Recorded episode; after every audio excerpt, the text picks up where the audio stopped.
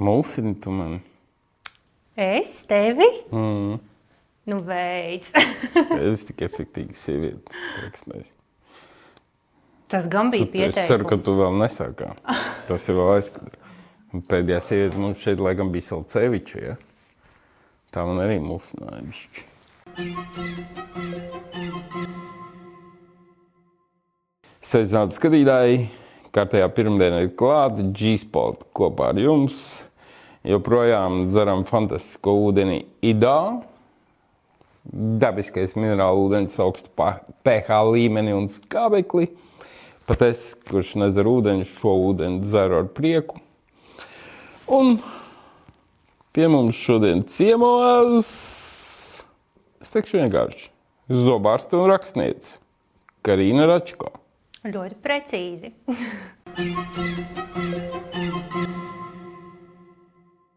Efektīva sieviete.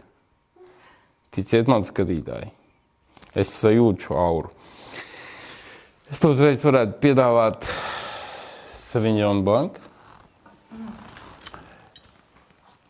Un pierreiz iereklamēt kabinetu kā labāko dzērienu veikalu Latvijā, kur ir vissmalkākie dzērieni. Pats arī apmeklēju pēdējā laikā kabinetu.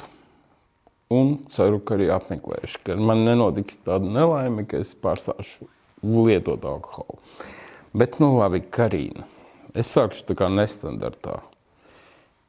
Kā pagāja tavs svētdiena vakar? Es strādāju. Iedomājies, bija Nu, 18 grādi. ne jau kā laiks. Nē, es rakstīju visu dienu. Tu raksts sesto romānu. Es esmu gandrīz pabeigusi. Faktiski es romānu? esmu pabeigusi, es tagad uh, rediģēju. Vēlreiz eju visam cauri. Jā. Kā sauksies? Nu, nē, nedrīkst vēl stāstīt. Nē, nē, nē. Nedrīkst. Es ļoti ilgi visu glabāju noslēpumā. Bet es domāju, jā, ka septembrī atkal iznāks. Tā kā nu, būs bomba. Šoreiz es jūtu, ka būs bomba. Jūt. jūtu.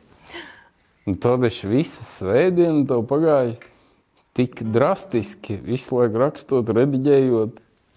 Tas ir diezgan nežēlīgi. Patiesībā man liekas, ka es ar katru grāmatu ar vien vairāk saprotu, nu, kāda ir tā cena, ko tu maksā tomēr par to kaifu, ko tu gūsti, protams. Jo, ja nebūtu kaifa, es to nedarītu. Bet tomēr nu, tas viss ir tā, ir nežēlīgi. Ir nežēlīgi. Kāda ir cena, ko tu maksā? Uh, es zaudēju savu dzīvi, es zaudēju svētdienu. Atņem Ar sevi 18 vīram. grādiem, protams, jā. Nu, bet tā ir. Tā taču, man liekas, visiem, visiem radošajiem cilvēkiem ar to ir jārēķinās. Gribēs tev pastāstīšu, kāda ir mana sestdienas svētdiena. Nu, pastāsti. Es izlasīju divus tavus romānus. Ārprāts, Pirmo kurus. un pēdējo. Ā, nu tad tu vari Tāpēc tās salīdzināt mežģīnas, aptuveni. jā, es tieši gribēju redzēt, kāds ir tas ceļš, kādas ir izmaiņas un piekto netīro. Mm -hmm. Ceru, ka tikšu arī pie sastā, ja? Nu, protams, protams. Nu, lūk, līdz ar to es esmu principā visas savas brīvdienas arī pavadījis smagā darbā. Lasījis tavus biezos romānus. Es pilnīgi jūtos pagodināta, un man tagad ir stress, jo es jūtu, ka tu līdz sāki stāstīt, ko tu par to domā. Nē, nē, nē. Es tieši gribēju pajautāt, tu esi redzējis kādu no G-spot raidījumiem? Uh, dažus, dažus. Nu, vismaz divus. Es no piecām grāmatām divas izlasīju. Es ceru, ka tu vismaz divus raidījumus no 21. Es esi esmu zini, kā fragmentāri. Es godīgi pateikšu, Tad nevar no, ne. tik ilgi no, noturēt Nu, uzmanību. tur ir diezgan tev ir gari tie raidījumi. Jā. Nu, labi. Es, piemēram, arī, es, es arī droši noskatos Krivenčīs stundu ar tevi raidījumu. Bet tur vairāk es sekoju tam, kā alkohols tev iedarbojas. Nu, uz kuru neiedarbojas? Es skatoties to, ka tev bija beigās 1,7 promiles, tu biji saku, diezgan sakarīga. Jā, tā Tas nozīmē, ka likās? tu tomēr kontrolē. Izņemot varbūt pēdējo kadru, kad jūs jau iepūtāt, viņš apģērba tevi ap pleciņiem, krevenčī, un glāstīja pleciņu. Dabūja pa štangu no vīra par šo kadru. Nu, beidz, nebija tur nekā tāda. O, Ko viņš tā rīkšķīti, tā maigi glāstīja, tu tā ļāvies. Es domāju, nu, dabūs no Kristapa pa štangu stabili. Ne? Nē, mēs kaut Viņš kā tā kā vispār, tā vispār izlikās nemanām šobrīd. Es domāju, ka viņš neizlikās. Viņš Vienkārši Ja palaid ja- garām. jā. Varbūt viņš nedaskatījās. Tev par viņam laimi. palika garlaicīgi. Tev par laimi, jā. Jo viņš jau zina visu, ko tu domā par visu. Un daudz atklātāk, droši vien daudz intīmāk. Labi, klausies. Vai tu man piekrīti, ka nu, ir tāda tēze, ka par tie cilvēki, kas kļūst par zobārstiem, ir izvēlējuši šo ceļu, ir drusku sadisti sirds dziļumos. Es domāju, ka nē. Nē, mm -mm. nemaz, nemaz. Mm -mm. Es domāju, ka nē. Jo, piemēram, nu labi, es nevaru atkal, tas ir ļoti subjektīvi, bet es zinu, kāpēc es to izvēlējos. Man bija tāda ļoti skaista un naiva ilūzija par to, kā es gribu palīdzēt cilvēkiem. Tur ar sadismu nebija absolūti nekādas saistības. Varbūt Un, tu to ā, neapzinājies. Īgā. Es domāju, nē, es apzinājos. Jo man pat bija visi tie ideāli, kā ir pareizi, ka tu ārstē nevis zobus, bet tu ārstē cilvēku. Tas ir nu, tā, tā katram ārstam būtu jādomā. Ja? Nu, labi, nesaies, es saprotu, ka naivi.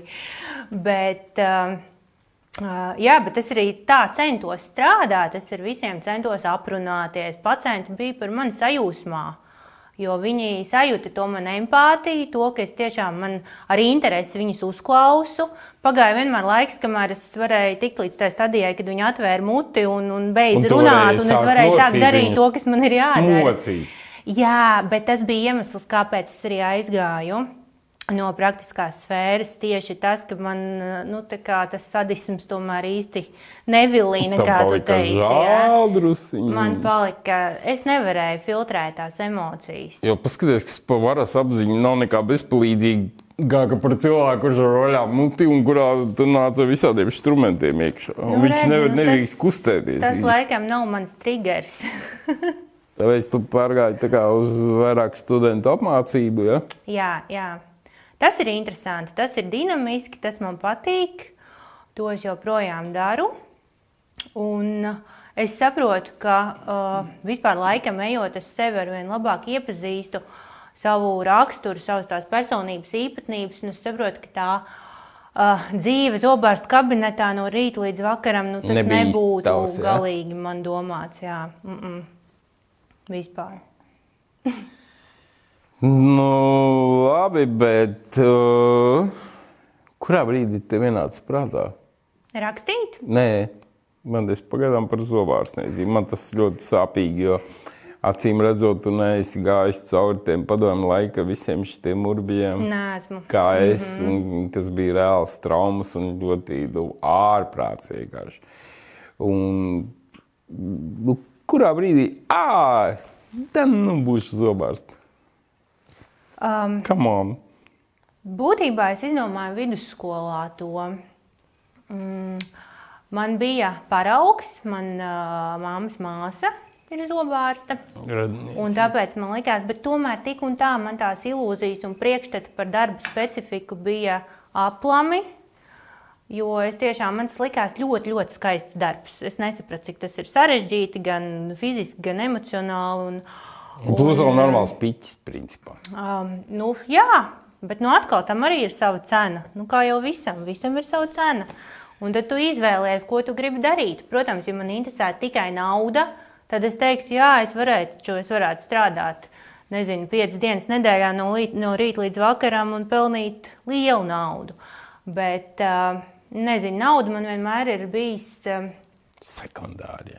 nu jā, kā instruments, bet ne kā mērķis. Bet um, mm, tad jau tā arī vienmēr skolas laikā bija zobiņa kārtībā, ja mammas māsa zobārste, ja vienmēr viss čikoja. Ja? Mm -hmm, Pašai mm -hmm. patika, visu laiku viss forši.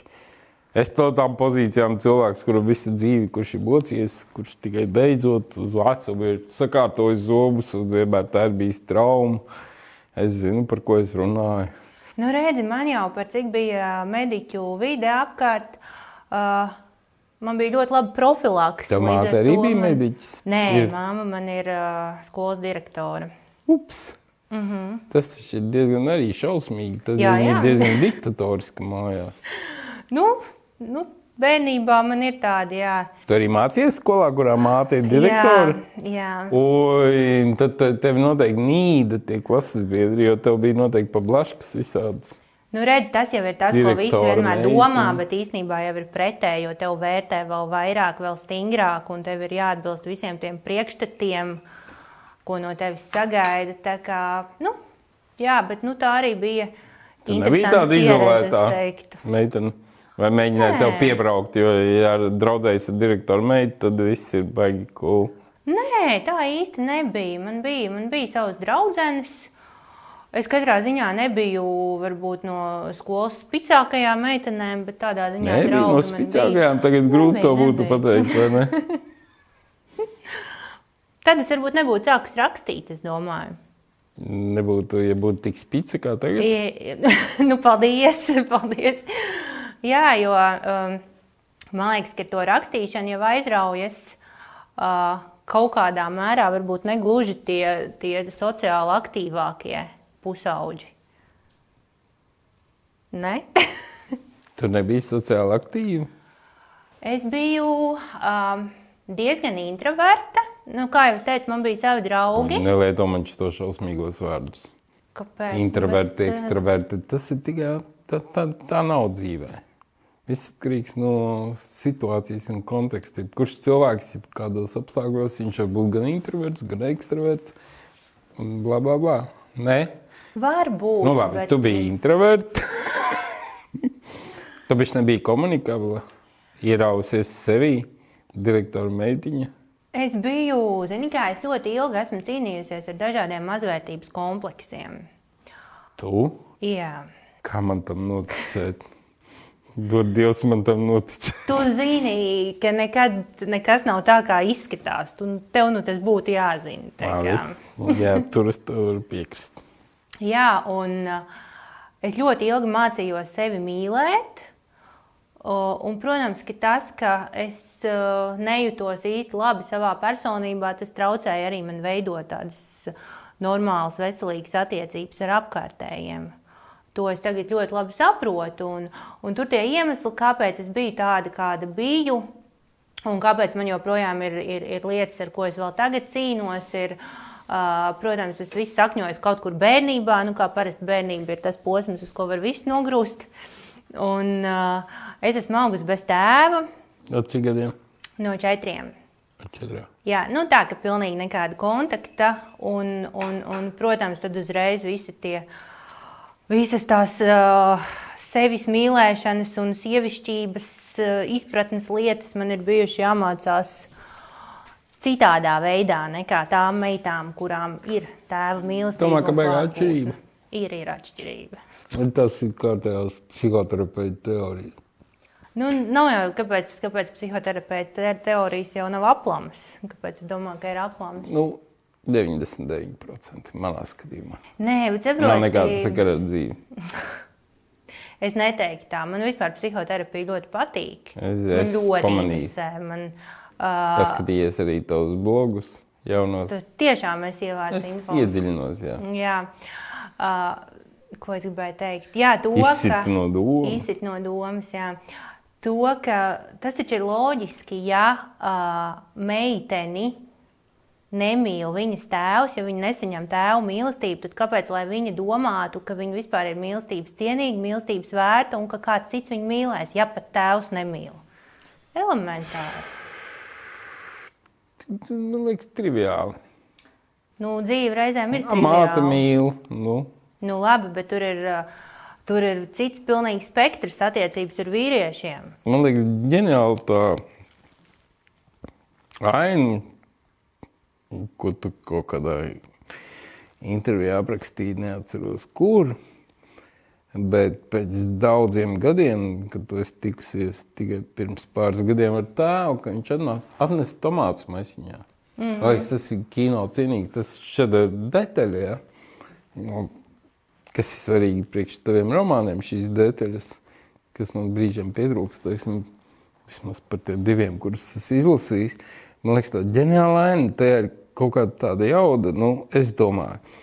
Ja es nebūtu ticies ar meiteni, nu, cik tur sanāk kaut, kaut kādi 20, ā, 4 mm -hmm. gadi, 25. Ja? Un es tagad eju uz tikšanos ar meiteni, es viņai atnesu maisiņā pašaudzētus tomātus. Man liekas, tas ir vienkārši ģērbs, kāda detaļa ja, no, no mākslas viedokļa, no kino, no literatūras. Tas ir nu, kā tā dzīve, piespēlē nu, tik fantastisku tā kā, detaļu.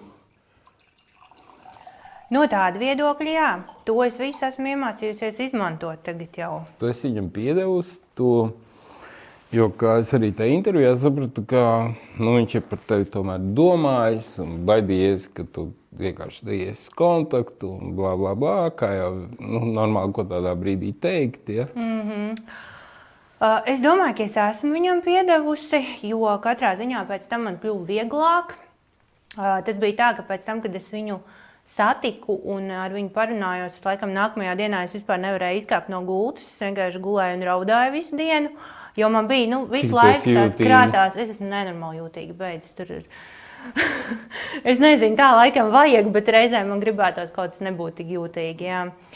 O, bet, um, bet jā, um, es sapratu to, ka viņš ir vājš cilvēks, vājš vīrietis un ka viņš ir jebkurā gadījumā nebūtu bijis man tāds tēvs, kādu es būtu gribējusi viņu redzēt. Stūbi izklausīsies. Diezgan. ok, bet uh, nu, te, nu, četru gadu vecumā tu neatcerējies neko. Praktiski neko. Tur redzēji kaut kādas droši vien fotografijās, tur redzēji, kāds mm -hmm. viņš izskatās. Un kāpēc agrāk viņu nemeklēji? Es domāju, ka man bija arī jānobriest līdz uh, tādam solim, jo uh, ļoti ilgi manī bija tas aizvainojums, nu, tā, tāds duāls sajūtas, ka no vienas puses tu saproti, ka uh, tu varbūt ilgojies zināmā mērā, bet vairāk jau ne pēc cilvēka, bet pēc vis tā, ko tu iedomājies, kas būtu varējis būt. Ja?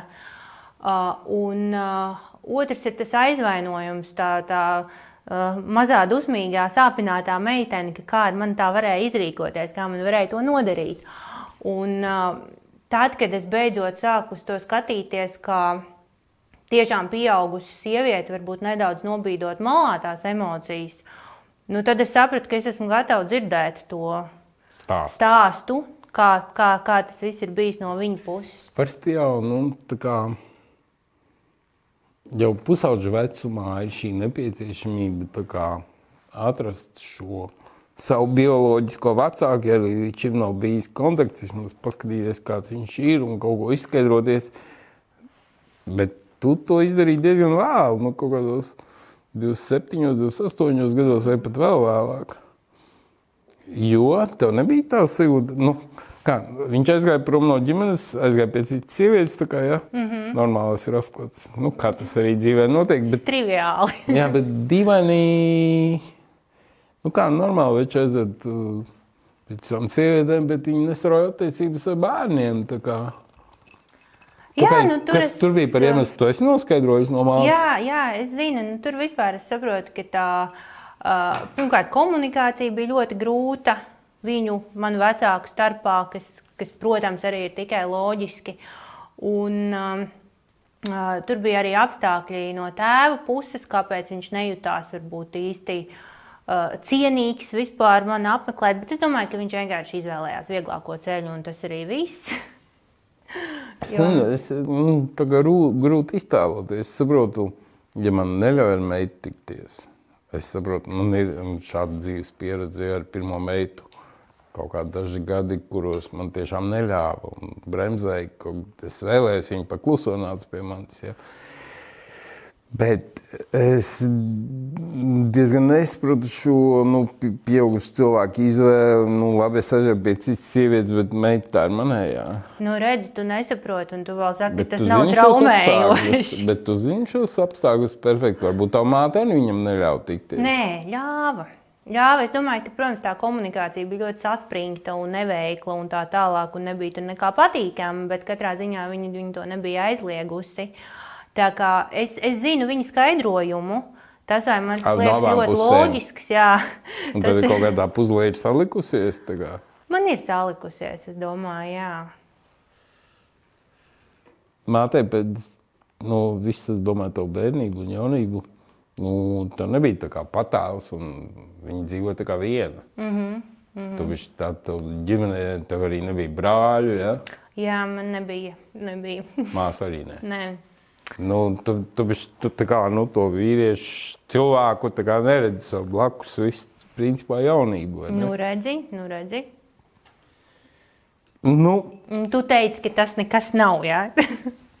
Man divi, kā tavs tēvs to paskaidroja, kāpēc viņš nu, tā kā pilnīgi aizēja un aizēja un aizēja arī no bērna. Viņam bija kauns. Nu, Pagaidiet, tev ir četri gadi. Nu, ko tev ir kauns bērnu priekšā, kuram ir četri gadi? Tev negribās ar viņu tikties, tas ir tavs bērns. Kur tur ir kauns? Nu, tagad tu izsaki pārmetumus. Nē, es vienkārši nesaprotu, nu, kauns par ko. Es, Meitiņa, nu, dzīve ir tāda, bet, nu, es tevi nesaku, ka mīlu, es arī līdz ok. galam saprotu, bet uh, te nav tik būtiski tomēr visu saprast, kā vienkārši noskaidrot to redzējumu un vienkārši piedot un palaist vaļā. Jo, kā jau es tajā intervijā arī teicu, ko tu lasīji, es noteikti negribēju uzturēt kontaktus, viņš gribēja. Es Nu, negribēju. tāpēc jūs izrunājāt, un viss, un es eh, vairāk lieku man mieru, es vairāk ar tevi. Jo es saprotu, ka tas ir svešs cilvēks, un viņš man zvanīja Un un, gribēja apsveikt dzimšanas dienā. un Es pat jutos slikti, ka es nepacēlu klausu. Tu jau tajā brīdī liekas- biji slavena rakstniece. Uh, tas bija pats sākums. Jā, tas bija pats Tu sākums, meklēji šo bet- kontaktu ar viņu. Nē, es. Es, jo es gribēju tādas atbildes. Es gribēju vismaz mēģināt saprast. Saprati? Daļēji, ja godīgi daļēji. Jā. Bet uh, nu, tagad man ir miers. Bet neturpināji. Nē, mm -mm. Es gribēju to, ka tas ir bioloģiskais tēvs, ka varētu piedot, ka varētu. Bet tas neko nenozīmē. Un, redzi, tas ir tas viss interesantākais, ka tu skaties uz cilvēku un tu redzi vaipstos kaut ko no sevis, bet tu saproti, ka emocionāli nu, tur ir kā divas pasaules un jums nav nekā kopīga un tu vienkārši neko nejūti. Ko viņš eh, no, nodarbojās, izņemot tomātu audzēšanu. Viņš jau teica, ir pensijā. Pensijā. Bet ar, kas viņš bija tajā laikā, kad viņš aizgāja no tos mācības? Viņš bija šofers. Mm. -hmm. Tālbraucējs. Tā braucējs. Tas arī ir interesants. Vienmēr stāsta par tālbraucējiem. Okay. Nu, nu, šis tēva trūkums, jeb māte direktora, liek tev kaut kādā brīdī uzticēt savas domas papīram, kaut ko pierakstīt. Jā, es dienas grāmatu rakstīju jau nezinu, kopš 11 gadu vecuma noteikti. Un uh, sāku rakstīt arī vēl kaut ko visādi stāstīņus un tā tālāk. Bērnībā, tad pusauģu gados blogoju. Uh, studiju laikā tēzes konferencēm gatavoju. Nu, tādā ziņā, ka tā rakstīšana visu laiku cauri manai dzīvei gāja. Jā, jā. Bet Bet, tu biji- protams, ne tāda veida kā tagad. Kā direktora meitiņa arī bija teicamniece. Protams. Pēc Kā citādi var būt? Skola ar zelta medaļu. Nu, mūsu laikā vairs nebija medaļas. Ā, bet, nebija vēl? ā, bet nē, viss bija, es biju teicamniece, jā, un uh, universitātē iekļuvu budžetā un saņēmu stipendiju. Un, nu, tāda bet, bet tā bija tā, priekšzīmīgā, tavā labā meitene. apzināta izvēle šīm.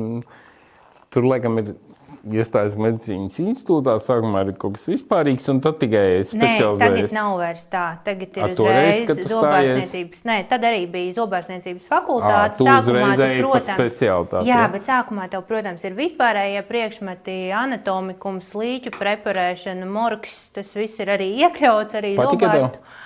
Uh, Līdz es Vispār, zini, man patika, man bija ļoti interesanti. Man tiešām man patika nodarbības morgā, man patika nodarbības Pirmo reizi runāju ar sievieti, kurai patīk preparēt līķus. Nu, redzi, ka... uh, jā, Nu, nu, nu. Patika. patika, patika. Uh, es neteiktu, ka man patīk asinis. Dzīvam cilvēkam man nepatīk nodarīt pāri. Ja, teiksim, uh, zobs ir sastrutojis un anestezija neiedarbojas, jo tad, kad ir iekaisums, tad anestezija vienmēr sliktāk iedarbojas. Nu, nav tā, man, man, man ļoti nepatīk, ja pacientam sāp, vai arī bērni, ka viņi ir nobijušies, viņi baidās, viņi nesaprot, kas ar viņiem tiks darīts. Uh, bet, nē, bet, bet tieši tā līķa preparēšana, tas, tas, tas, tas bija ļoti interesanti. Nu, labi, būdam tāda introvertā teicamniece, ja skolā. Cik gados pirmoreiz nokniebies? Uh, vēlu diezgan. Vēlāk par mani? Cik gados tu? No 18. Tas beigās. Bišķi vēlāk. Pat vēlāk? Bišķi. Wow. Nu, tad, kad sāk studēt, tad ir. Patika? Uh, es teiktu, ka jā. Bija ok. Tur bija arī kaut kāda mīlestība, vai tas bija kaut kāds tāds. Meitene pirmo reizi iedzēra un pavilkās. Nu, zini, nē, Un nē, nē. Džeks nē, viņu izmantoja. Nē, tas nebija tā, nē. Kā bija, var izstāstīt? Uh, it kā jau es baigi negribu, zin kā, par visām tām bijušajām attiecībām runāt. Nesauksim vārdos. Nē, nē, nu kur nu vēl vārdos? nu jau, nu jau, tu galīgi. Bet interesanti, nu, tev kā mm, rakstniecei to vajadzētu analizēt, spēt savu pieredzi. tā. Jā, nē, es arī spēju analizēt. Es zinu, kāpēc uh, es uh, vienmēr esmu. Man ir vienmēr licies jau no paša sākuma, ka es gribu mīlēt, es gribu iemīlēties, un tad man tā uzreiz norauj jumtu. Un tad pēc tam jau tu tikai saproti, nu, cik lielā mērā tas bija patiesi. Vai tu vienkārši, vai, vai tas ir atkal, atkal šis tēva trūkums, kas man liek just izsaukumu pēc mīlestības. Es tikai mm. baigi pateikt. Nu, bet, labi, tas bija tāds spontāns lēmums vai uh, racionāls. Viss man jākļūst par reize? Jākļūst beidzot. Viss tur beigas jau plus mīnus to apmēram izdarījuši, un tagad man arī vajag- nu, tas jāizdara vienkārši. Vai arī tas bija kaut kā, hei, Nē, tas bija jau pēc kāda laiciņa, kad mēs bijām kopā ar to cilvēku. Jā, jau tas, tas nebija tā, one night tā stand, uh, iedzerot. Nē, tā tas gluži tā, nebija. tas jau pirmā kursā. Uh, nu, jā. Pastaigājām uz randiņiem, mm -hmm. nu, Mhm. neizbēgami jākļūst par sievieti. Nu, bet. Cik es nesen lasīju, kā viņa sauc, Šumera vai kā stand-up tāda beiga, slavena. Nu, stand-up, kas amerikāņiem mm -hmm. tur beigas. Viņa stāstīja par to savu pirmo nakti. Viņa sapņoja, kā tas būs, kad es kļūšu par sievieti. Eva Šumere, man liekas, tā bija. No, un, un, un, un viss kaut ko viņa bija sadomājusies, un arī viņai bija kaut kāds džeks, viņa tā kā randiņi un randiņi, un viņa visu laiku mēģināja kā tam nobriest. Un, un tad vienā dienā viņi skatījās televizoru, kopā kaut kādas filmas, sazērās aliņus, ķipā bija iemiga, un džeks tā klusām pieriktējās no aizmugures un tā kā iegāja viņa. Un viņa bija tik sašutusi, jo tas, tas brīdis, ko viņa bija iztēlojusies, tik, nu, ka tas būs tā romantiski, kā es kļūtu par sievieti. Un viņa bija tik nikna par to, nu, ka tas tā kā izvēlējās, nā, es pat nebiju pamodusies īsti. Un Džeks, protams, momentā izlaiž ārā. un, un tā ir viņas tā pirmā pieredze. Tā bija forša tā pieredze. Uh, nu, ja tu runā tieši par fiziskajām sajūtām, tad man Nu, liekas, tu, tu um, esi šajā gadījumā tā, kur uh, apraksta šīs kas ir. Jā, jā, jā, jā bet uh, tieši tā pirmā. Da, davai, lai, lai tu varētu drusku distancēties, kā tu aprakstītu prozā, tekstā, nu, romančikā savā šo savu pirmo pieredzi. Uh, vispār es esmu izmantojis elementus vienā no grāmatām, Droši vien no tām, kurās kuras tu es ne- neizlasīsi. Jā, jā um, nē, fiziski Nu, nu, pirmais pastāst brīdis mums. nav nekas patīkams. Es nezinu, vai tas tā ir visām Sāpīgi, sievietēm. ja? Nu, sāp, nu, reāli sāp. Mm. -hmm. Nu, reāli, jā. Bet, uh, nu, nē, nu, pēc tam jau viss ir kārtībā. Bet tā kā bija tā kā vilšanās, tā kā gaidīji, ka tas būs kaut kas tāds. Nē, bet es patiesībā negaidīju, ka tik sāpīgi būs. Ļoti. Un asiņoja. Uh, ne tik ļoti, vairāk sāpīgi. Bet Džeks bija ar pieredzi. Mm -hmm. Tāpēc viņš zināja, ko dara.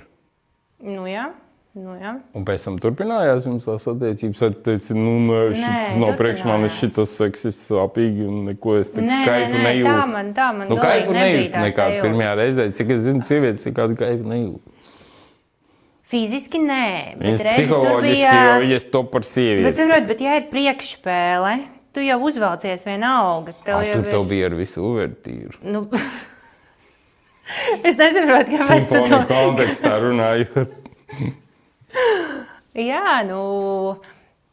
Un kaut kā jau tas viss, tu saproti, ka tās sajūtas, nu, nezinu, man uzreiz likās, nu, ka uh, seks man patiks. Jā.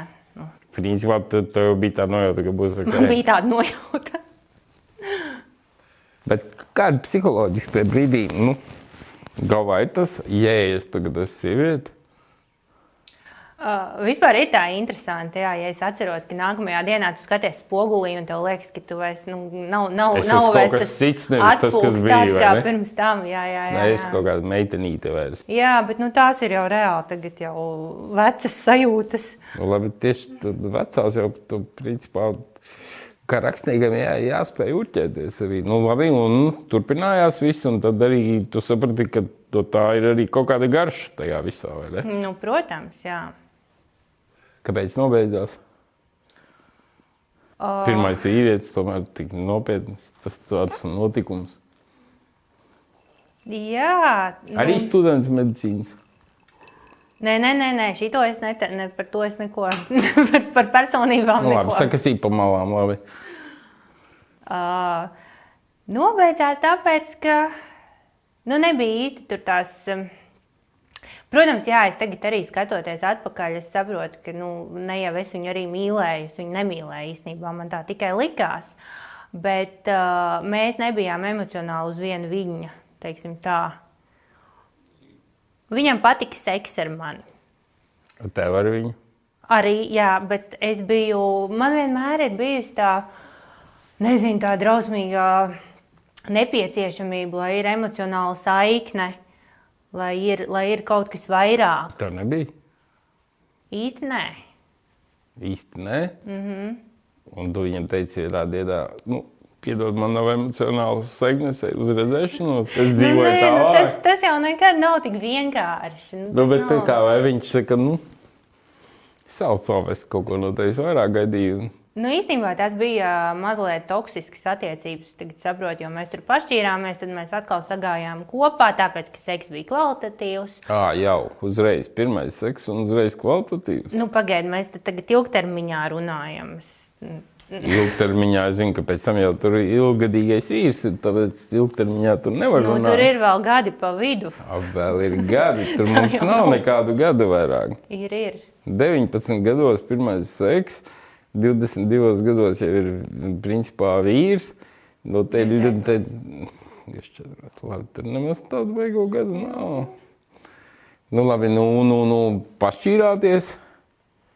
Viņš taču nevar domāt, o, oh, ar to beigtu bija beigu labais seks, jo seks droši vien nebija labais. Jo kur tad tu 19 gados var kaut ko rubīt no seksa? Ja vien tu neesi tur caurām dienām porniņš skatījusies un apgūsi visu. Nu, zini kā, nu, es tev tagad neiešu attaisnoties. Nē, es nesaku attaisnoties, bet e- es domāju par to. Nu, tas nav iemesls, kāpēc pēc tam kaut kur kaut kas atgriežas. Zini, kā vispār uh, labs, labs vai slikts seks, es domāju, ka tur tā ir nu, tā ķīmiskā sadarība. Nu, ir vai nav. Nu, ja saslēdzās, nu, tad Tur jau jā. Nu, tur tur, tur nav, nav pat tik daudz pieredzes jautājums. Vismaz es, es uz to tā skatos. Nu, var jau būt, ka dažiem arī pieredze kaut ko ietekmē. Man likās, ka man, protams, nu, šis tas ir, ir mainījies tā kā izaugsmē kopš tā brīža, bet, bet, bet eh, tik un tā. Nu, labi, pirmā reize bija pirmā reize, bet pēc tam jau bija kvalitatīvi. Ko tu saproti ar vārdu kvalitatīvi? Bauda! Labi, pirmo reizi sāpīgi, otru reizi viss ok. Viss, nu, bauda, tas tā kā arī pabeidzu beidzot. Pirmo Jā. reizi. Nē, es biju jau pati. Es, es zināju, kāda ir sajūta. Tad es, tu, tagad runā par situāciju, kad jūs atgriezāties pie tā. Nu, tagad mēs runājam par nākamajām reizēm. Jā, pēc bet pirmās tāpēc jūs pašķīrāties, tu vēl nekādu baudu nesigūri. Nē, mēs, ne, mēs pašķīrāmies vēlāk, ne jau pēc pirmās reizes. Nu, vēlāk, vēl divas, trīs reizes. Ja? Nu, nē, nē, nu, tur bija mēneši pa vidu. Tur. Nē.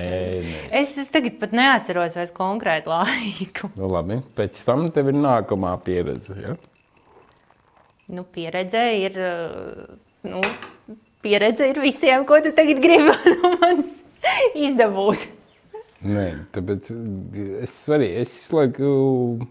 Kāpēc tev tagad attīstīja nedaudz? Jā, tu man reāli tīci. Uh, tieši literatūras kontekstā, lai saprastu, cik ir liela tava pieredze, kas tev dod tā kā, nu, tās potences rakstīt par seksu. tā. Mm -hmm. Nu, labi.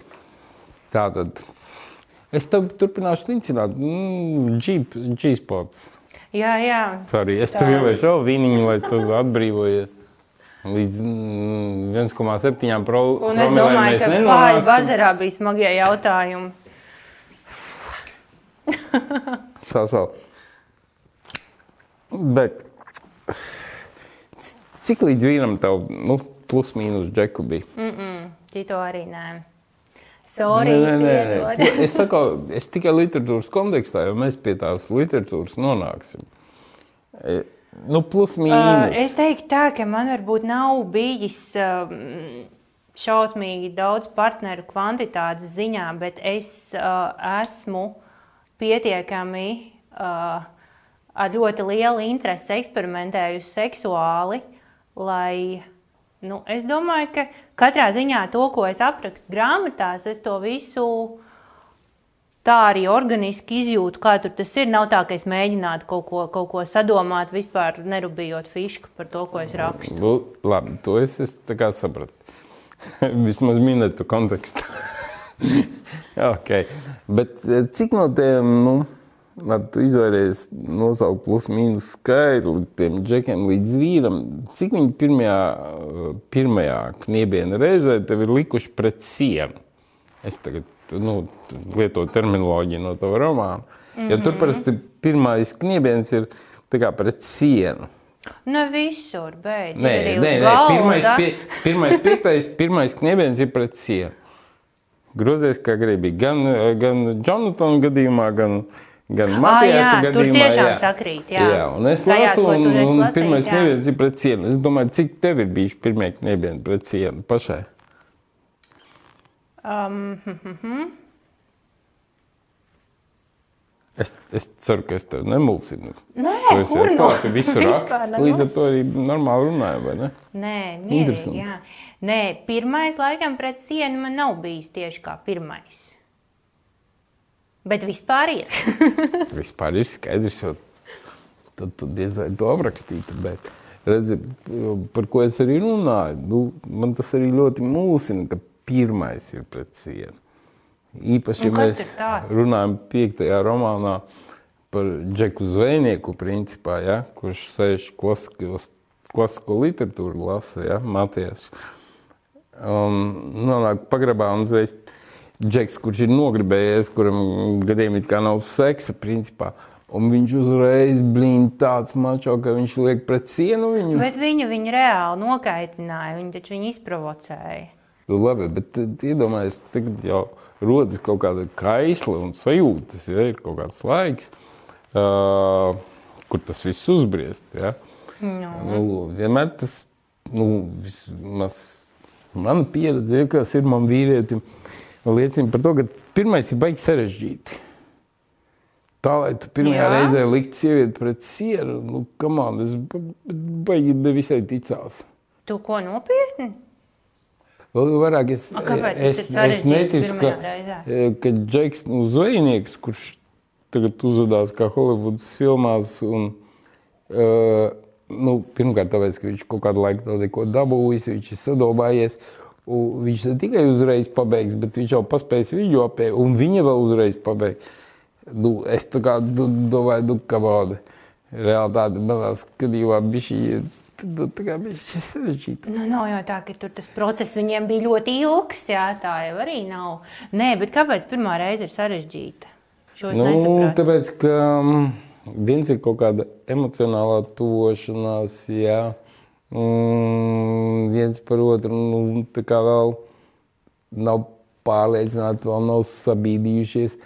Un, teiksim, no tāda veida psiholoģijas, nu, lai tu uzreiz riskētu pirmajā reizē, īpaši, ja tev ilgi nav bijis sieviete, kā zveidīja, ka Matijas, ja, nu, vārds likt pret sienu, nu, blīd, Bet tur nebija citas virsmas. Kamikadze reāls.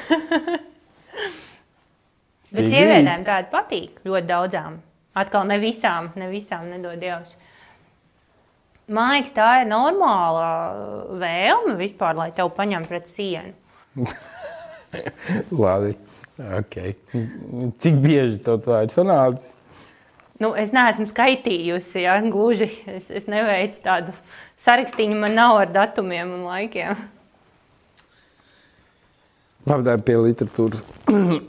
es tiešām, es tev vienmēr esmu aizstāvējis, arī kad nebija neko lasījis, aizstāvējis aiz, pret visādiem šiem uzbraucieniem, snobiskiem un tā tālāk. Es nenormāli cienu to, ka tu esi, nu, spējis to izdarīt. Un, un tas lasītājs uzrunā, un tavs tirāžas grāmata ir tiešām uberālis. Ja?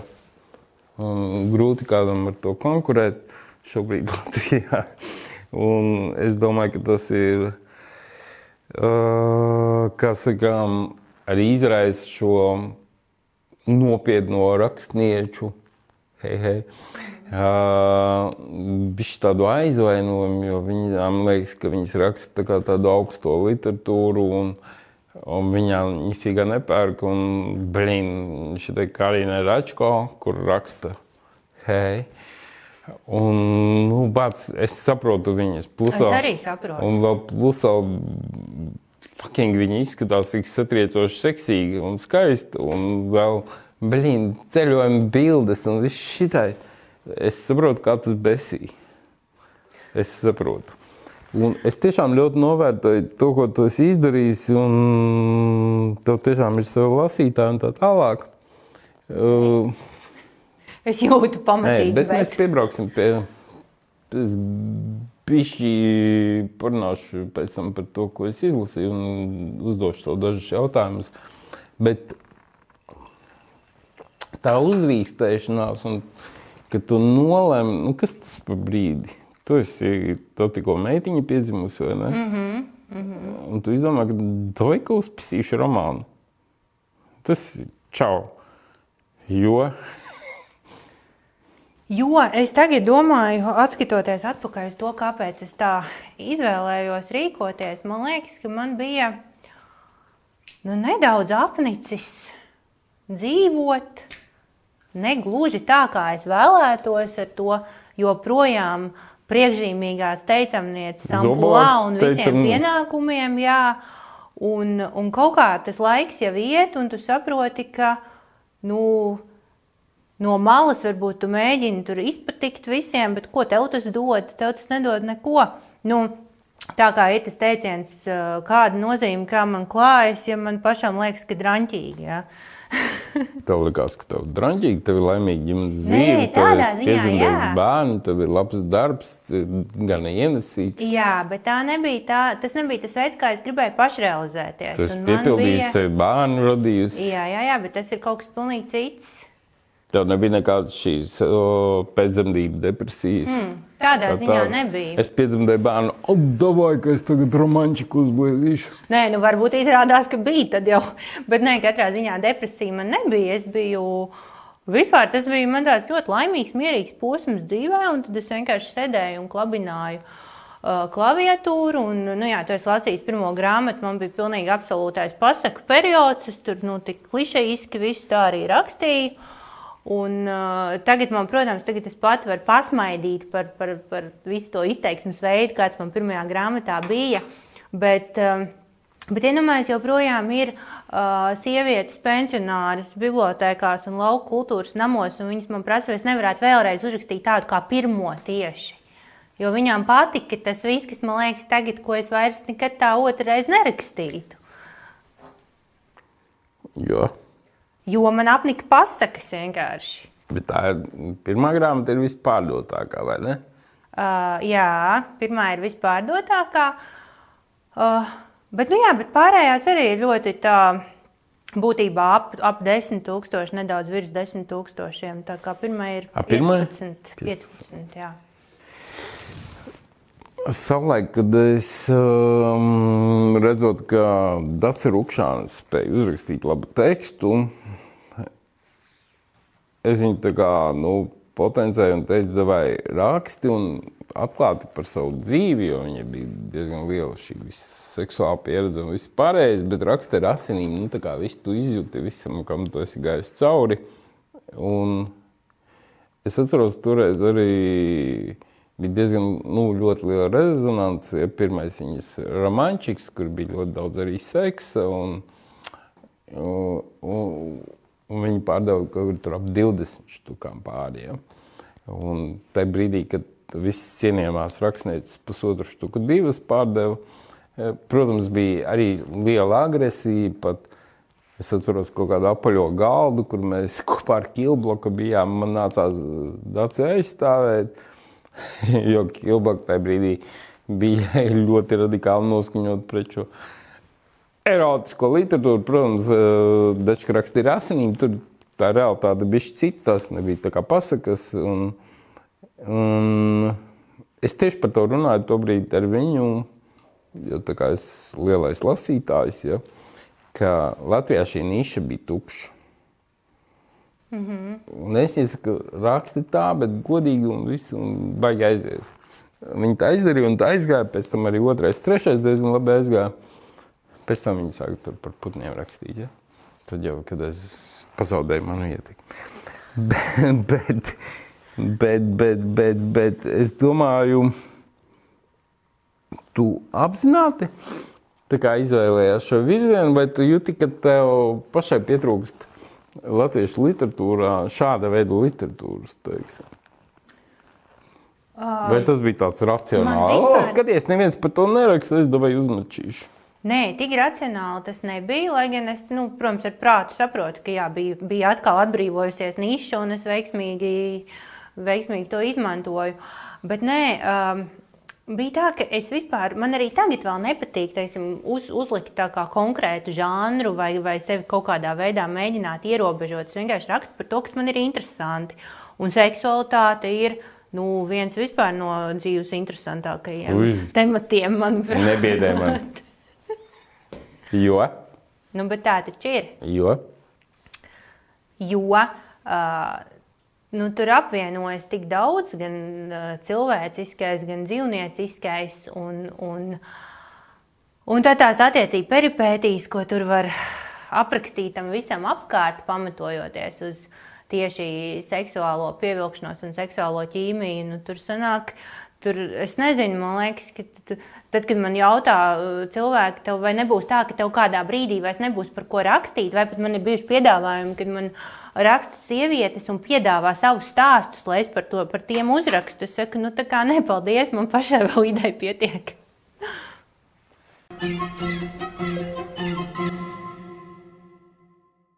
Tik traki man vēl nav bijis intervijā. nu, bet, mēs taču runājam par šo atklātu atklātu ja sievieti. Ja es baidījusies, tad es Vai ne, nebūtu nāc. Tieši tā. Es neesmu bīstami. Nu, nevar zināt.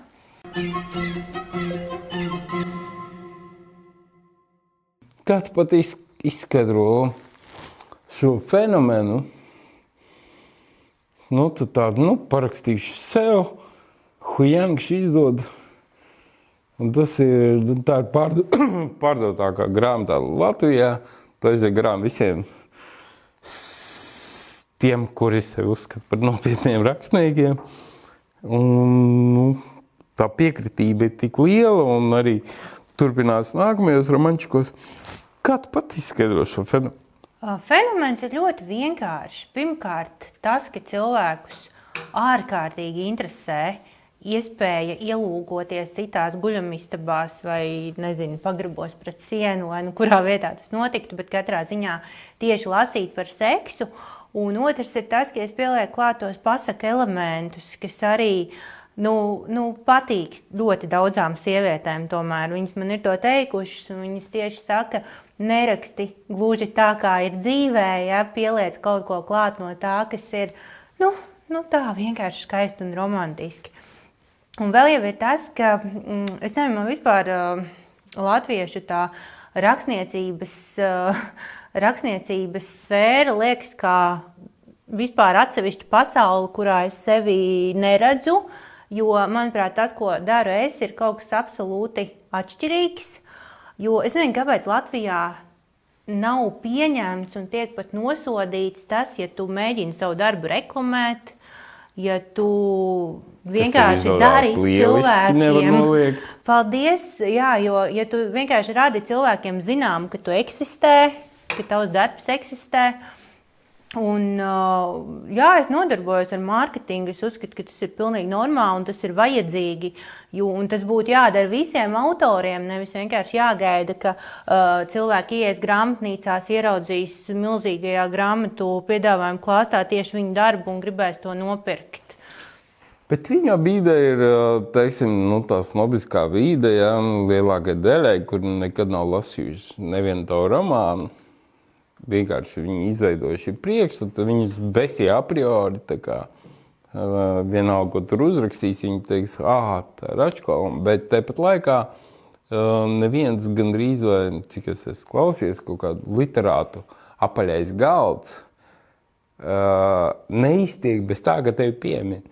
Bet, piemēram, protams, tā kā negatīvā, nu, tā kā ar bišķi skaudību, jo, redzi, viņu pērk, mums nepērk, ja? Uh, Viņu intervē, mūs neintervē. Un tas ir tik, tik, tik viņi pat nevar to noslēpt. Ja? Nu, tur ir bijis kaut kāds aizvainojums. Jo kā tas tā, ja viņiem liekas, ka viņi raksta kvalitatīvāku literatūru, kāpēc tas, ko tu raksti, tik ļoti cilvēks vairāk uzrunā nekā tas, ko viņi raksta? Tu esi pati kaut kā atbildējis šo jautājumu. Nu, tāpēc, ka seks sels. Tā ir, tā ir arī patiesība. Nu, Dūdiņa pagaidi. Seks tavās grāmatās ir vājākā vieta. Auč! Tas bija sāpīgi. ja godīgi. Nu, ja godīgi. Kas vainas seksā manās grāmatās? Es ne, neesmu kritiķis. Man patīk rakstīt, lasīt par seksu. Un, un, Man patīk, kā tu to dari. Tajā aspektā, tajā aspektā ka es saprotu, kā tur pavelcies tajā visā pati rakstot. Ja? Okay. Bet, ja mēs runājam par saplēstām mežģīnēm, ja? Tur runā par to pasaku, nu, romantisko erotiku. Un kāpēc, kāpēc manā skatījumā tos pirmais romāns ir labāks par piekto? Nopietni. Jo viņš ir precīzi žanrā. Tas es nav par romānu. Viņš ir Džungļs. Tāpēc, ka tas ir žanrā. Es pieņemu spēles noteikumus, šos pasakas elementus. Ja? Tā kā, ok, lai cik tas neticami brīžiem būtu, bet tas ir žanrā. Piektajā romānā es redzu tevi tieksmi izrauties no nu, tu kaut kā evolūcionēji. Ja? Es redzu, ka tu tuvojies realitātei. Man ļoti patīk pirmās simts lapus, kamēr man ļoti patīk. Es tiešām domāju, nu, re, gan valodas ziņā, valoda kļūst rafinētāka un konkrētāka, ne tik izpušķota. Un simts lapus praktiski var šur tur piesēties, bet es domāju, vo, ieskaitot to seksu trietā, kas ir beidzot ticams, kurš, kas ir kopīgi aprakstīts, kas ir, nu, nekādā gadījumā nav pornogrāfija, kā tu pie Krivenčijas saki, ka tā ir pornogrāfija. Sorry, tā nav pornogrāfija. Tas ir ļoti precīzi situācijas, kā teikt, tu uzbur ļoti labi situāciju. Un pēc tam es lasu, un man ir sajūta, es runāju par piekto grāmatu, mm -hmm. ja? Mhm. par netīro. Nedod Dievs, viņi sāk kniepties. un, un tajā brīdī, kad viņi sāk kniepties, viss sāk viss šīs klišejas, viss tie, nu, kaut kādi spocīgie teksti. nu, nu ņēt. Nu, tā brīdī, skaties, tu iet tagad mēģini ielīst citā žanrā. Bet tas jau Bet izmanto apzināti. elementus joprojām no, no tā pirmā romančika. Pirmajā romančikā šie elementi ļoti organiski iekļaujās. Kāpēc es joprojām uzskatu, ka man bija interesanti lasīt, es pieņemu spēles noteikumus, ir viss ok. Šeit tu tā kā piesaki tādu realistiskāku literatūru un ļoti labi izrakstīts viss šitais ar to Emīliju un to Saunagu, ar to viesu namu, ar tām viņas sajūtām. Ir ok, līdz brīdim. Un tur sākas problēmas, jo kā tev šķiet, piemēram, nu, nē, negribu es to braukt virsū analizēt. Davai par kaut ko foršāku parunājumu. Tev patīk būt rakstniecei. Protams, citādi jau es to nedarītu. Tad tev ir ā, nenormālās darba spējas. Mm -hmm. Un tu esi trīs gados būtībā uzrakstījis piecus romānus, un varētu tagad vēl vienu gadu pieskaitīt seši. Faktiski es esmu uzrakstījis sešus, es uzskatu, ka jau esmu, jā. Un, un zini, kāpēc bija kaut kāda saruna ar kaut ko?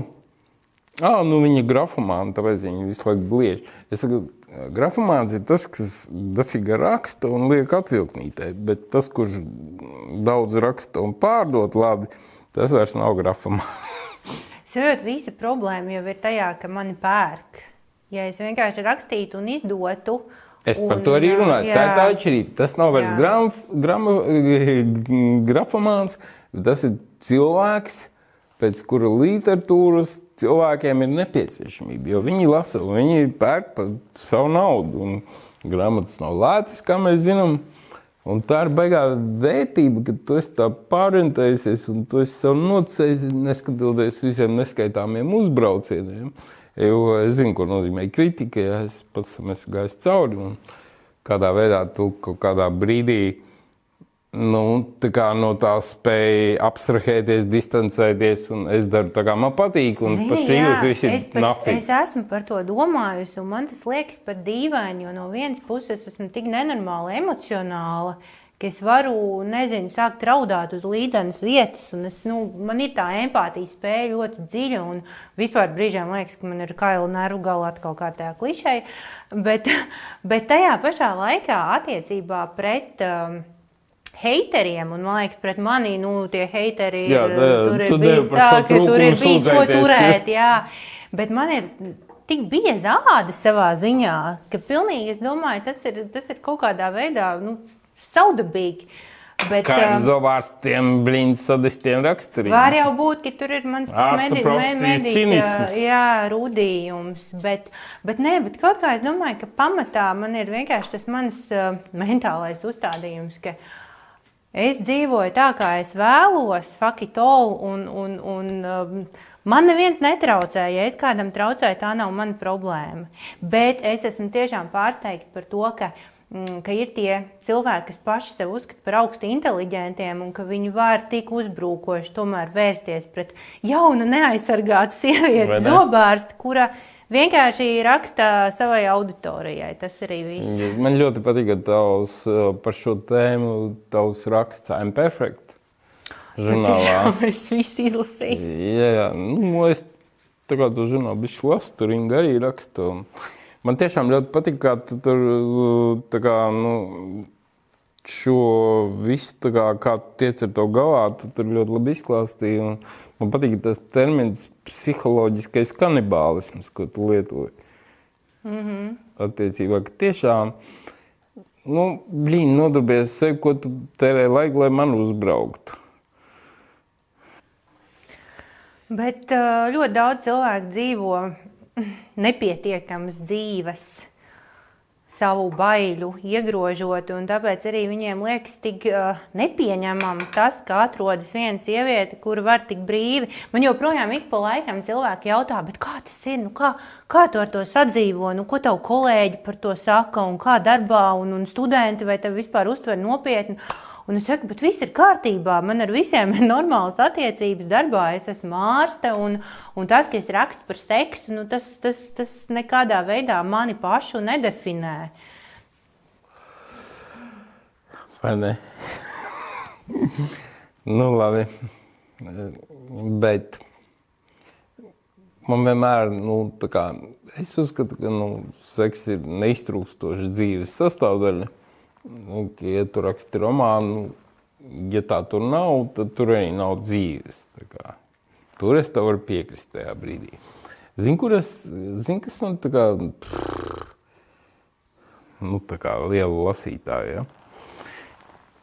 Ja? Tādā kontekstā es ik pa brīdim, nu, es pērku daudz grāmatas, es, protams, lasu tikai krieviski, bet es iepērku ik pa brīdim pa kaut kādiem 300-400 eirikiem, pasūtu grāmatnīcās. Un es ik pa brīdim nu, pie visas augstās literatūras un filozofijas iekļauju. Un visu laiku tā zināt, kā tās bēbes, kas raksta, kas tur pārdod miljonu eksemplāros rietumos. Es ik pa brīdim arī tādas izlasu. Jo man vienkārši zināt, kā, nu, kādā veidā viņas tur. Mm -hmm. Un principā beigās neatšķirās arī no tā, tā pirmā romantika. Nu, tāpēc, jo tu pieņem, pieņem šos spēles noteikumus un bla, bla, bla. Labi, man tur ir problēmas, kad es lasu, teiksim, nu, 19 gadīga beiga. Nu, es par to nemaz nestrīdos par, par visiem 19, loģikas pagaidi, iebildumiem. Pagaidi, 19 gadīga beiga. Atkal, ja mēs runājam par seksu. Viņai bērnības draugs Raivo Romanovskis. Mēs, viņa ir zaudējusi ar viņu nevainību, viņai joprojām ar viņu attiecības, viņa ar viņu mm, pašķirās, nonāk pie lielā ba babņika Jonatana, ja, kurš ir vienkārši ahfigena pārsteigts par viņas prasmēm seksā. No kurienes tas pats Džeks tikpat agri, viņam ar nekādas pieredzes nav. Nu, no kurienes viņai tādas prasmes, īpaši Džeks, kurš ir gulējis tur visām divām Rīgas, ja, visām seksīgākajām, pieredzējušām sievietēm, un viņš pēkšņi pārsteidz, ka te ir vēl labāk. Nu, no kurienes tāda praksa viņai var būt? Nu, pieņemsim, ka viņiem skatās caurām dienām. Saslēdzās. Nu. nu, nē, tu, tu, tu visu laiku apraksti, cik viņi ir meistarīgi tajā visā, ieskaitot minūtes un tā tālāk. Reālā dzīvē nu, tā nenotiek. Un tūlīt tam izaudz kaut kādā, mainot partnerus vai esot stabilās attiecībās. Nu, come on, 19 gadīgi bērni. Turklāt, kur ir influenceri, kur ir 200. Nē, 100, nē, nē, tu tagad jauc kopā pirmo pēdējo. Es tagad, sorry, sorry, sorry, es jaucu gadus, jā, 19 gadīgi bērni, labi, bet kura ārstu ģimenē dzīvojot, kura ir tā kā visā varkā Latvijas kuri nekad nav dzirdējusi par šo ārstu, kurš ir skandalozākais, kurš visu laiku ir dzeltenajā presē. Nu, kā tu vari nocēt, ka viņi pat nezina, kā viņš izskatās? Nu, protams, es tev pilnīgi piekrītu. Bet kāpēc to dara?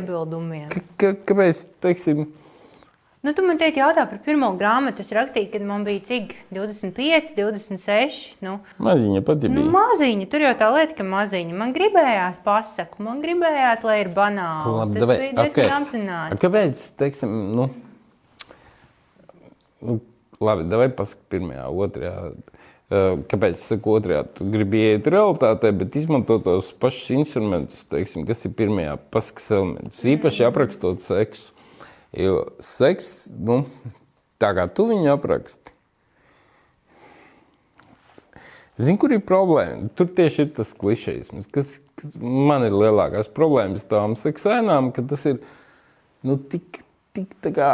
Nu, nu, Bet Reālā dzīvē ir kaut kādas detaļas, nianses.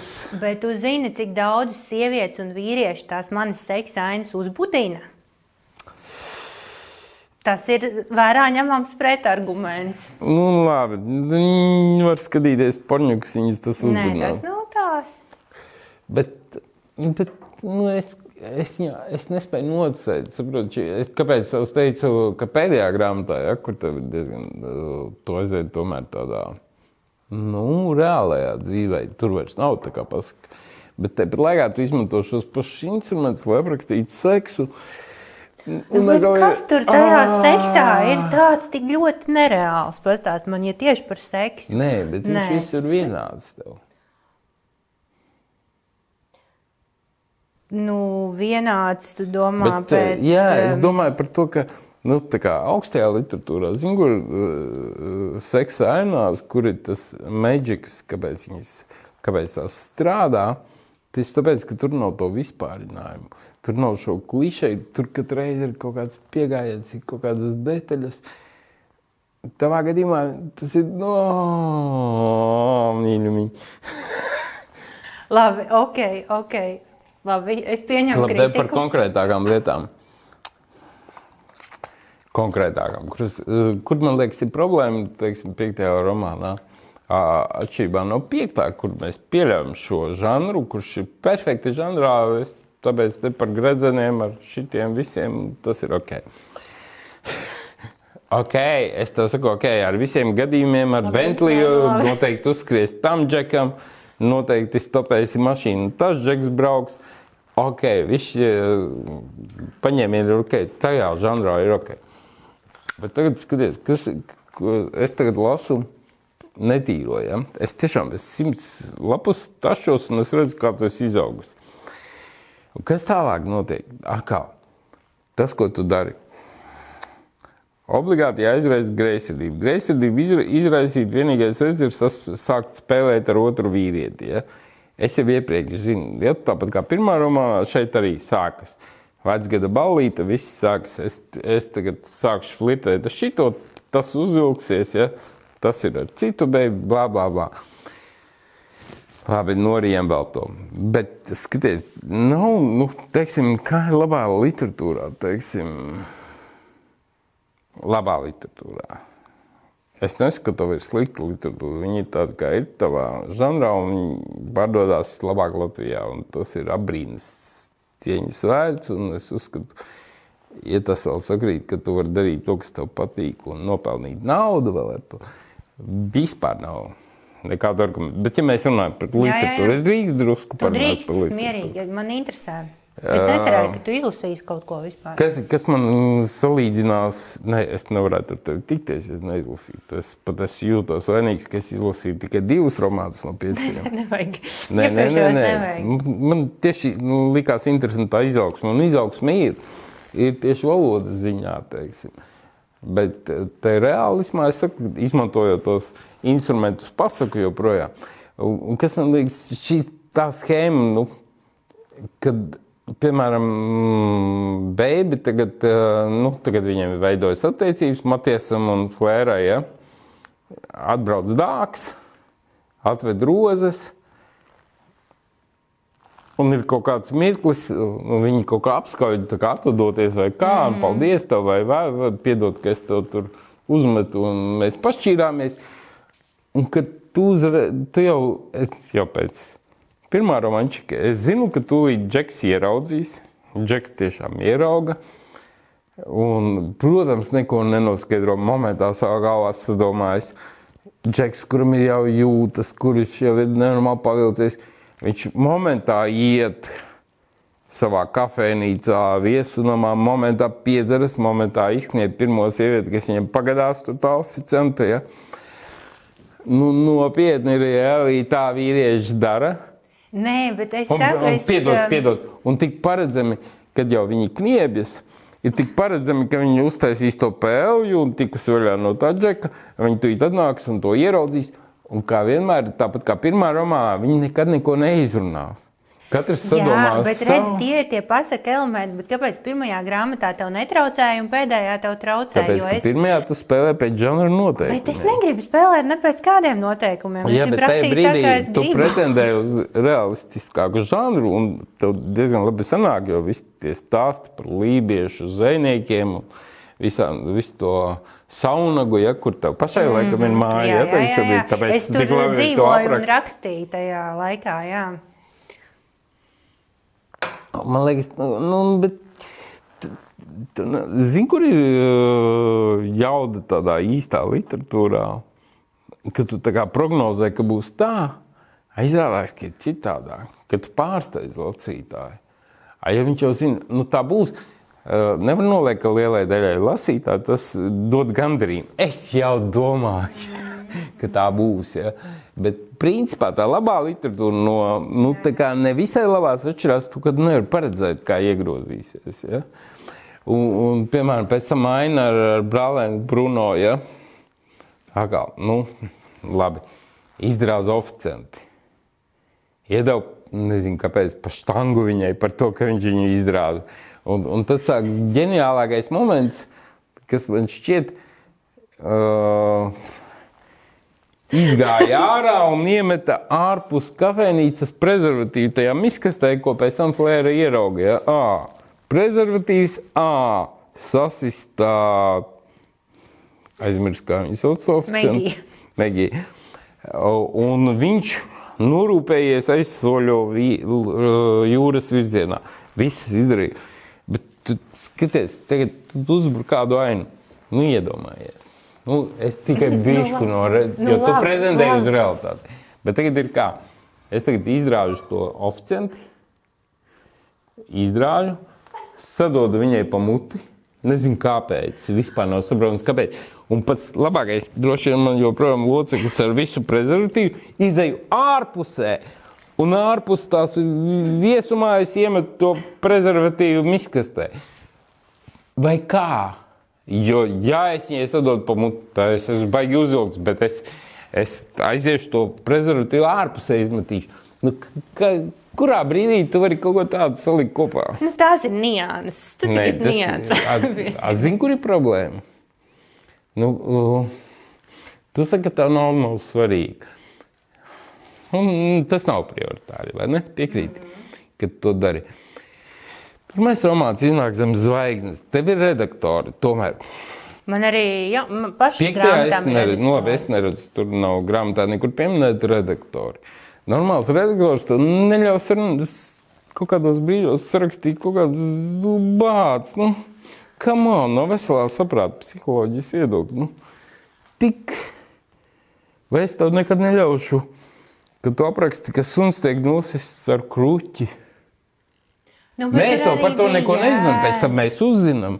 Bet tajā brīdī suņa galva sašķaidīta ar, ar krāsnes kruķi. Mēs taču tajā brīdī par to neko nezinām, ka ir kaut kāds kruķis. Kā tā, kāpēc mums uzreiz saka kruķis? Pēc tam, kad tas Bruno saka, Matijas, mēs saskaidrojam ar krāsnes kruķi, tad mēs zinām. Bet tad, kad tu to apraksti, mēs to nevaram zināt. Nu, labi, nē, viss ok, es, es pieņemu tavu kritiku. Man būtu interesanti, ja tu izlasīsi jauno grāmatu. Es, un... Jo visu laiku, kad tu runā, es domāju par to, vai man vēl ir bijusi izaugsme kopš iepriekšējās. Un tad es domāju, vai tur tu paredzēsi to, ko es esmu izdarījis. Valodas ziņā noteikti ir izaugsme. Jo nu, pazuda kaut kādi izpušķojumi, tev ir konkrēta valoda, konkrēts stāsts. Tas man tiešām iepriecināja. Tas iepriekš. Seksēns labāk viņu nekņēbjāt. Uzrakst skopi vai meklē detaļas. Kaut kādas, ka, saprot, kā lai saka, nu, tur seksā vienmēr nianses. Bet tev viņš ir tik, tik, tik vienāds. Nu, vienalga, vai tas ir zvejnieks vai, pasaul, vai krūts ķirurgs. Kurš ir baigais babņīgs? Ja? Viņi nevienā viss ir vienādi. Bet tur ir arī bišķi tas standarts, kas tomēr ir. Nu, bet nav dzīvē Es standarts. domāju, starp citu, man bija bail nedaudz no tās seksa ainas trietā. Man bija bail. Tā bija labākā tava seksa aina Paldies, no, no diviem šiem romām. Nē, man vienmēr, kad man ir bail, es saprotu, ka to vajag aina. rakstīt. jā, bet, bet, bet tas ir tas, ka tas arī iziet ārpus tās formulas, kas ir tomēr nu, tā kā. Nu, mm. Nu, labi, piedod, es, es Nē, tiešām esmu kā lasītājs. Es, es godīgi, es tev saku, tiešām godīgi, bet es joprojām uzskatu, zi, uh, lai man ir nu, kā cīniķi vecu, ja, teiksim, nu, kaitina moralizēšana. Man tiešām kaitina. Tas uh, piektajā romānā man īpaši tas kaitina. Uh, Bet es saprotu, ka tā tavējā morāla atbilst kaut kādiem 90% mm, Latvijas pamatiedzīvotāju morālei. Un, kā, grūti man ar to sadzīvot, bet, ka, nu, o, mīļākā, o, tad ir pamesls, blā, blā, blā. Nu, Es tiešām. nedomāju, ka morāli. Nu, tur drīzāk pēc sajūtām, manuprāt. Es pazīstu sievietes ļoti daudzas. Es zinu, es māku nu, tā to aprakstīt. Nu, tu esi Nē, cīnīgs. tu man nē, tu māki brīžiem sajūtas ļoti, ļoti ideāli ap- aprakstīt. Man pat tas patīk. Bet skatiet, influenceri 125 štukas sekotāji. Mēs runājam par netīro. Jā, jā. Gadu Knievijos ar Džeku. Nu, jā, nu, tu tagad atkal pēc publiski loģikas populāru. Ja? Nezinu, ka viņš ir precējies. Es influenceru, kas strādā ar internetu, neko neesmu par viņu uzzinājusi. Gada laikā man var apjāt, ka viņš ir Nu, precējies. tas bija politiķis partijas uh, mājaslapā, tur nebija info. Nu, bet tu taču zini, kā tas notiek Latvijā. Nu, labi, nē, un, labi nē, nu. un skatiet, jo tā, ka viņai vajag, viņa momentāli piezvanīja druskai, viņa noskaidro pat ļoti daudz uh, sensitīvāku informāciju. Ar šajā gadījumā Beibi gadu principā dzīvojās ar džeku un nav noskaidrojis, nu, pats. Nu, es nevaru noticēt, Nu, īpaši, ja tu man uh, pēdējo romančiku raksti reālismā. Kāpēc tu izdomā šos apstākļus, kuriem grūti brīžiem noticēt? Es nezinu. Es vienkārši saku, es vienkārši. Kur tev ir loģika rakstu. problēma kādā brīdī? Ar loģiku problēmu. Redzi, visi, tev vajag visiem ir- redaktoru, tāpēc pēdējo romančiku mēs runājam, ka tu pirms atdot izdevniecībā iedod man izlasīt. Tu man uzrakstīsi atsauksmi. Nē, es tev atsaukšu, nē, es pateikšu, kuras vietas nedarbojās. Nu, jā, bet tad jau, nu, labi. Nu, labi. kur var, kur var izlabot Jā, bišķi? jā, jā. jā, jā. Nu, tā kā. Mm -hmm. Nu, piedod, Nu, nē. labi, nē, beidzam par šito, jo tu esi Beidzam, izstāstījis beidz. visu sižetu. Nē, visu. bet es tiešām abrīnu, abrīnoju. Wow, es aizrāvies sarunā, nepamanīju, ka tev ir glāze tukša. Ah, tu nervozē mazliet. Nu, protams, Visas es tev nervozēju. vairāk nebrauc Šī man virsū? grūtākā intervija ever. Da, ladni. Jā. Da, beidz.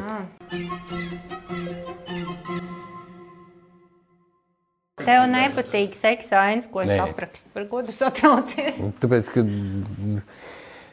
Nē, es nesaku, ka man nepatīk, bet es domāju, kāpēc tik klišejiski, jo tā dzīve, tur tajā dzīvē ir tās detaļas. Nu, ir, ir. Nu, es piekrītu, jā. Šis ir tā kā tāds uh, priekšstats par seksu. Bišķiņ.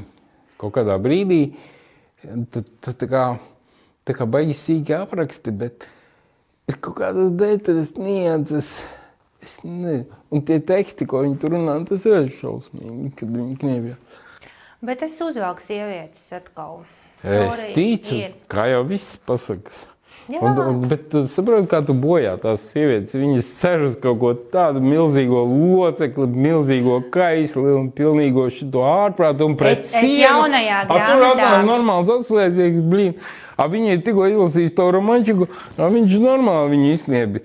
Un viņi saka, blē, tas nav tas, ko es gribēju. Es progresēju, iedomājieties, es jaunajā grāmatā, ko es tagad uzrakstīju, es atturējos no locekļa izmēru apraksta.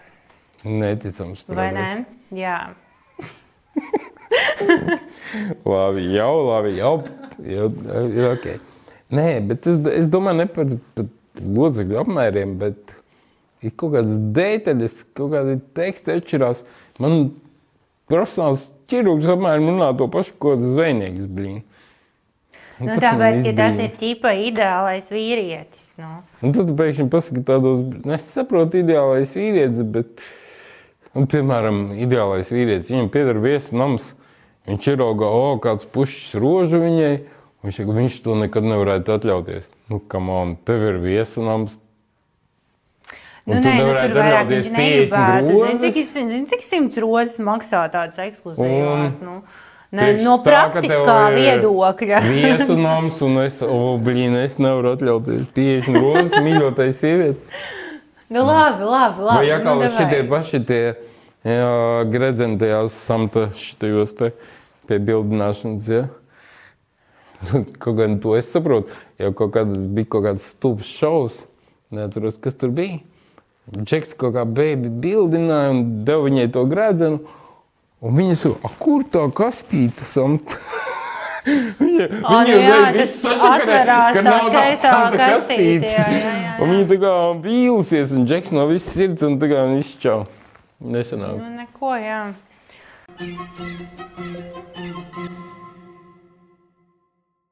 Vēl trīs lietas attiecībā uz rakstīšanu. Man bija interesanti lasīt. Tas nav maz. Tas ir ļoti daudz patiesībā. Tas ir viens. Otrs. Tas ir atkal ieteikums vairāk.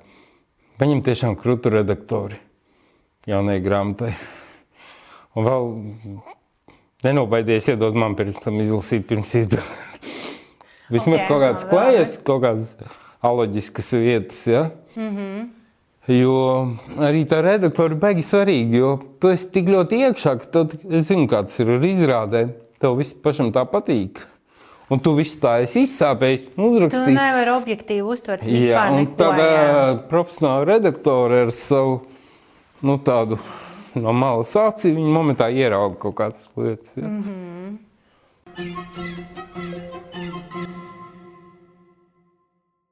Cik tev ir meitai gadu tagad? Seši. Seši. Mm -hmm. Tu bišķi jau lasi grāmatiņas. Tagad viņa ir iemācījusies lasīt. Es paņēmu privātu skolotāju, lai sagatavo skolai, un jā, jā, jā tagad viņa pati jau lasa. Mm. Bet uh, tavējās vēl nē. Nu, nē, bet viņa zina nosaukumus. Un tad viņa, viņa zina nosaukumus. Viņa nāk mājās no bērnu dārza un stāsta, kurām, eh, kurām skolotājām patīk manas grāmatas, kuras ir teikušas, ka lasa māmas grāmatas. Un uh, vispār es uzskatu, ka es, es cenšos viņai uh, iemācīt, nodot to sajūtu, ka tas viss ir normāli, ka seksualitāte vispār ir normāla. jau nu, tagad viņai stāsta par seksualitāti. Es, es viņai nesen izstāstīju par to, kā rodas bērni, piemēram. Kā, nu, pastāsti, kā tu viņai stāstīji. Nu, tā arī ļoti normāli Nu, izstāstīja. kā, ka vīrietis savu krie- krāniņu iebāžo avrītē. Jā, nu, būtībā jā. Būtībā, Tā arī stāstīja? Jā, tā arī Viņai stāstīja. neradās jautājumu. Nē, nu kā, nu viņa zina, kas, kas kam ir, un viņa, viņa tā, jā, viņa bija izbrīnīta, viņa bija pārsteigta, bet es gribu, lai viņa to dzird no manis. Un eh, es negribu to postu padomu mantojumu, ka Dievs mm. tas viss ir kaut kā par to nedrīkst runāt, un, un tas viss ir kaut kā jāslēpj un tā tālāk. Es viņai esmu izstāstījis par mēnešu reizēm. Man liekas, normāls, normāls lietas, jo es, es zinu, ka, ja es to nebūtu izdarījusi tagad, tad viņa bērnu dārzā saklausītos, uzzina kādu info. Jūs tā kā apzināti gājāt uz to, ka jūs gribat bērnu. Jā, Bet jums jau nu, diezgan pagāja gadi. Uh, nē, bet. Vai Uh, sākumā jūs domājat, ka nevajag vēl? Mēs Jā, bīdam tā arī karjeras. Ja? bija. Tā arī bija. Es lietoju kontracepciju, un, un, un tad, kad mēs tiešām izlēmām, ka mēs mēģināsim, tad es, nu, man liekas, jau nākamajā mēnesī arī Kā tas bija, kā jūs izlēmāt? Kādā kura tā foršā apdevāja? Nē, man bija tā, ka es, es, es ļoti gribēju bērniņu. Es, es biju, man liekas, tā, ka uh, vīrs teica, ka vēl varētu pagaidīt, bet man bija tā, ka es sapratu, no Es vienas puses- gaidīt. Jā, ka es vairs nevaru gaidīt, ka es jau skatos uz visām tām mamām, kas stumj bērnu ratiņus pa ielu, un man jau pilnīgi sirds sāp, un ka nē, nē, nē, ka es gribu. Vai darām? Jā, jā, nu kaut kā tā. Un uzreiz arī sanāca. Ja? Un uzreiz arī sanāca. Jā. Jā. Es tā ļoti apzinīgi aizgāju pie ginekoloģijas, uztaisīju visas analīzes, sāku dzert tos uh, grūtnieču vitamīnus ļoti laicīgi. Nu, tāds absolūti perfektais scenārijs. Es domāju, ka tur drīzāk tev kaut kāda intuīcija. Bērns piedzimis, sākšu rakstīt romančiku. Es nezinu, man nav bija... nekādas zobārstniecības, pēkšņi es esmu mājās ar bērnu, bet es esmu tik enerģētiski un gri, gribošu kaut ko darīt, un tajā brīdī es rakstu. Jo pirms tam jau tā Jo nebija. pirms tam man bija vāveres ritenis. Jā, Tu biji tā kā Es nobriedusi, biju- es būšu visu dzīvi tā kā zobārste un nav kur likties un viss čau. Es kaut kā domāju, ka tas ir. Zinu, kā es sapratu, ka man tas patiesībā nesagādā gandarījumu, bet uh, man likās, nu, nu tā kā tipiskais latviečs domā, ka, nu, ko tad es, nu, vienkārši jāsamierinās, jāpiecieš, nu, ko, te, ko, es, ko es ar savām kaprīzēm, labs darbs. gandarījumu tā zobārste. Man nesagādāja gandarījumu. Kaut kā Pie tā, Jo- ka pīķis normāls. Jā, Tas bija, tas bija tieši tas, ka es nācu mājās, un uh, bija pat viens posms, kad es uh, sestdienās strādāju, un es pat naktīs dežūrēju. Jo, nu, jauna ārsta, es domāju, jā, nu, naudiņa griežās, nu, baigi forši, tomēr, ka tu vari nopelnīt. Ja ne? Un, un es atceros to nakti, kaut kādā, kad es nācu mājās, un es domāju, ne, bet tas nav tā vērts. Vienkārši tas nav tā vērts, nauda nav tā vērts. Nu, tev nebija savu klīniku, tu biji pie kaut kā. Jā, jā, jā, es strādāju, jā. Pie kā? Ja nav Uh, es strādāju stomatoloģijas institūtā, un tad bija vēl pāris klīnikas, kuras, kuras tā Mētājies. strādāja. Jā. Mm. Ok. Un vīrs tevi, Kristaps, kā, kur viņš apdrošināšanā vai kur apdrošināšanas biznesā, ja? Un viņš tā kā, nu, principā, viņam nevienu brīdi nav bijis nepieciešams tevi tā kā nodrošināt, jo tā kā zobārs tad normāli pelna, tagad kā rakstnieks vēl afigenāk pelna. Jā, bet uh, viņš ir atkal tāds vīrietis, kas uh, uh, nepieprasa katrā ziņā kaut kāds maksājums dalīt uz pusēm, vai, vai, vai kaut kā nu, mans budžets, tavs budžets. Un, un, un, Tāpēc viņš maksā maksājumus, un tava nauda ir tava nauda. jā, Tāpēc labi, tev, Būtībā tev ir tā. kaut kāds izpletnis nodīdies. būtībā jā. Bet es esmu, zināmā es vienmēr esmu bijusi krājēja. Mm. Man nepatīk tā krāji? ar naudu. Brīvībai? Droši vien, ka drošībai. Atkal mēs varam Brīvībai, jā, nu, atgriezties gadījumā viņš tomēr notinās. Tad es vismaz būšu uz kaut kādu stabiļņiku. Nē, viņ, viņš nekur nenotīsies. Es, Nevar no tevis notīties. nu, mans nevar notīties. Jo? Mm -mm.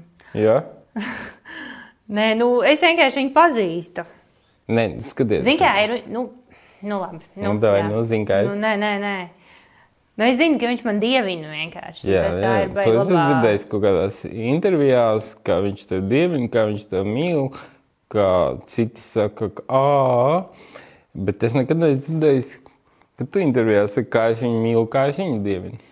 Bet tas jau, tas jau, nu kā, tas jau nāk pašsaprotami. Jā, bet es nekad, nekad to neesmu Bet tāpēc, ka sievietei jau patīk tas, ka to jūt pret viņu, zin kā tā atkal. Ā, nu, pati, jā, pati. nu, protams, ka es arī. Bet tu nekad to neesi teikusi. Nu, bet, Nevienā intervijā. Tu tikai Nu, stāsti, kā viņš tevi mīl, kā viņš tevi dievina. Un tas man vienmēr dara aizdomīgu. ok, labi, es, es piedomāšu pie tā, ka man arī vajag. labi, sapratu. Sapratīja? Jā, jā, jā, labi. Okay.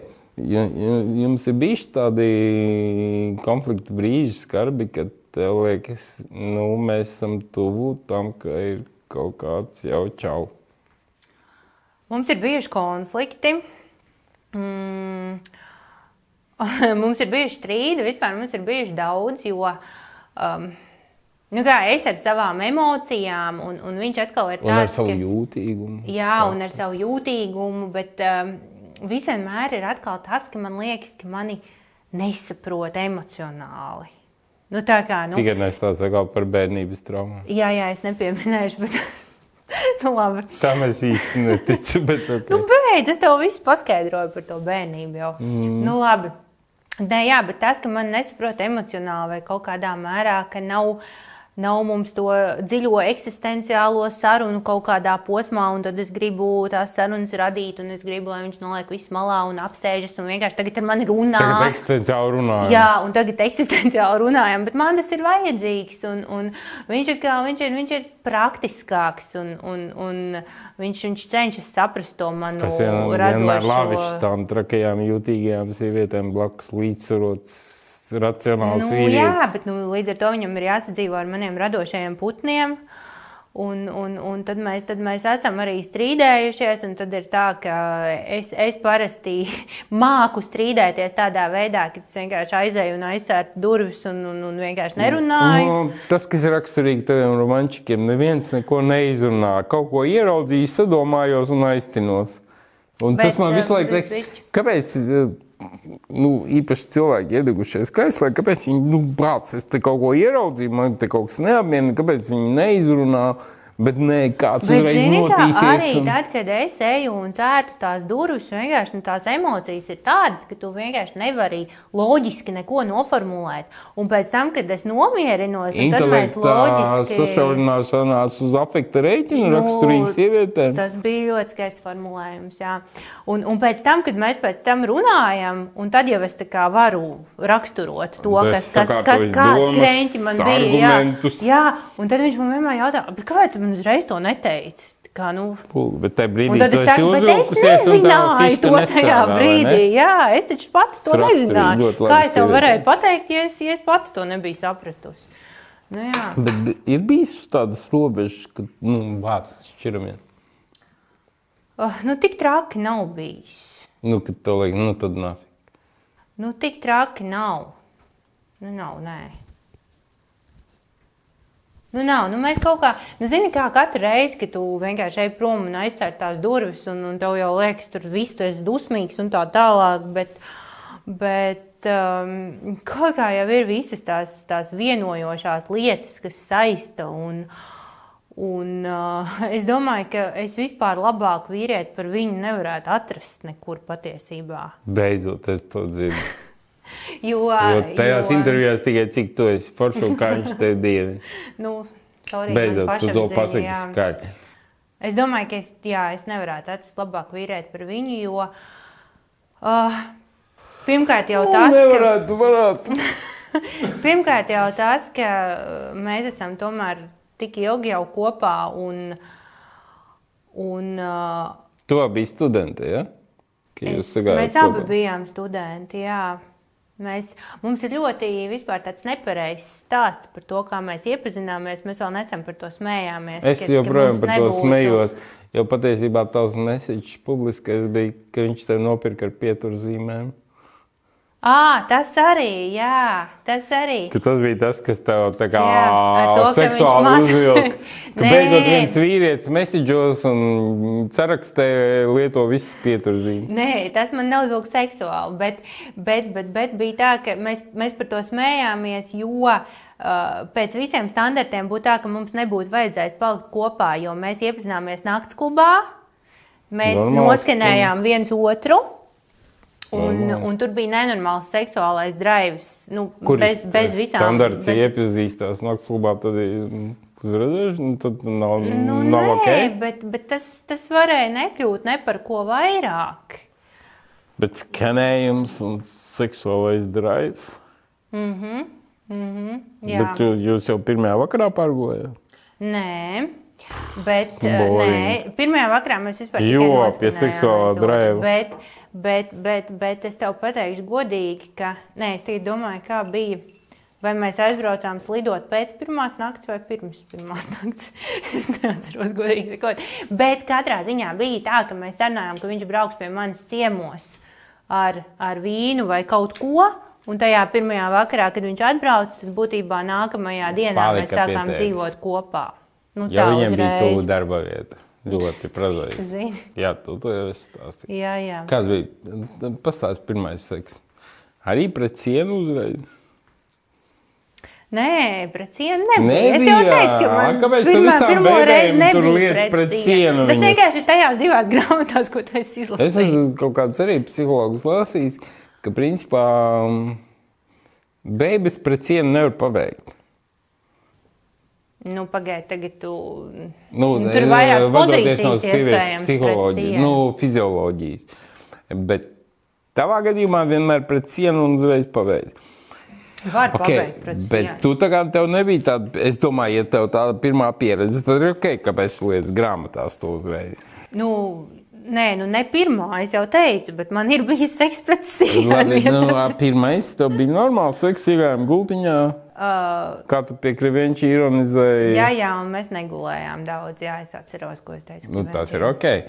Negulējām, tas ir ok. Mm. Nu, skaidrs, ir kaut kādas attiecības, ir piesāti, nu, varam visu nakti kniepties. Tas no, ir ok. Nu. Bet tu ironizēji par to, ka oh, bērni aiziet gulēt, nu, kaisli svarīgi, ja pie krivienčītei. Mm -hmm. Kā tavuprāt, vajag, nu, kamēr bērni skraida apkārt? Nu, nē, bet saprot, ir, tā, ir, ir, ir vajadzīga tā spontanitāte. ok, sākumā, jā, labi. Bet, Nē, bet ir jāmēģina bet, arī vēlāk. Jo labi. man nepatīk tā sajūta, ka es zinu, ka tagad, teiksim, vakarā ka būs. Tī, nu, pūkstoņa laiks tāds un tāds, nu, un tagad vajag pulksteņi. mīlēties, jo vienkārši vajag mm, mīlēties. Mm, varbūt vajag mīlēties, tāpēc, ka sajūta ir vēl mīlēties. Tā ir cita lieta, bet nu, tieši nekas, tā nevajag standarta. Un... ja sakrīt, tad ir ideāli, bet ja tā sajūta, ka vienkārši vajag, nu tad nav ok. Bet, jā. bet, bet, bet, bet, bet kas man mulsināja? Jo Krivenčī tev tādu uzdeva diezgan tādu, ļāva tev septiņas reizes neatbildēt uz to jautājumu, un tomēr pajautāja, kas ir tas, kas tevi uzkurina, un tu teici vīrieša kaisla. Bet saprot, teiksim, ja es būtu tos vīrs, piemēram, un tagad tu kaut kādā intervijā tā pasaki, un es tagad saprotu, aha, Un es gribu, negribu, nu es piespēlēšu to kaisli tev, lai tu jūti, kā, o, tas ir tas, kas tev patīk. Tur tā kā nav. Nav, nē, viņš nespēlē. Viņš nespēlē. A, viņam ir vienkārši. Viņam ir kaisli. Tu viņam piedotu, ja viņš nošautu pa kreisi? Pēkšņi. Tie tā kā ideālais vīrietis, viss ir superīgi, meita. Es nezinu. Es nesaku, ka nē. Es nesaku arī jā. Es nezinu, tas būtu baigi atkarīgs no, no, no apstākļiem, no vispārējā. Bet es zinu ar simtprocentīgu pārliecību, ka viņš neko tādu nedarītu. Simtprocentīgi pārliecība. Jā, iedomājies, un es to varu pateikt. Kāda pārliecība pazīt vīrieši tā un tā. Jā. Un kur man paliek tos romančikos, šis stāsts par vīriešu apslēpto dabu un kad nevienmēr viss var. Bet, bet es mm. zinu vienkārši mūsu seksuālo saikni. Un varbūt baigi saprīgai seksuālo saikni, bet nu, ir vīrieši, kuriem varbūt arī paralēli ļoti labi jā, jā, bet, nu, bet nu savu vīri jau es pazīstu. Mm. Pazīst, pazīst. Tu domā, ka tu viņu uzreiz pieķertu, ja viņu tu sajustu? Es sajustu. Nu, sajūta, bet tā nebūtu pierādījuma. Nē, nu, ziniet, viņš ir labs, viņš ir godīgs. Viņš, viņš, viņš negribētu tā dzīvot. Bet tu pati lietot tekstu, ne viss ir tā kā izskatās. Nu, tas ir nu, labi, jā, ok. Nu, tagad, ko tu gribi, lai saka, kaut kas nē, varbūt nē. ir tā kā izskatās. Nē, nē, nē es tikai domāju, nu. Tev ir baigi dūls, klāji, baigi skaidri, bet, nu, nebija viss ir daudz savādāk. Nē, Ar tev nu- pašai nekad nav bijis kārdinājums? Nošaukt pa kreisi. Nē, nu kārdinājumi varbūt tas ir viss sublimē visu to uztvēr. seksuālajās ēnās romančikos. Saproti, man ir, es zinu, ka es varu seksā dabūt visu, ko es vēlos ar savu vīru. Viennozīmīgi. Jā, Seksā tas ir. Tas ir...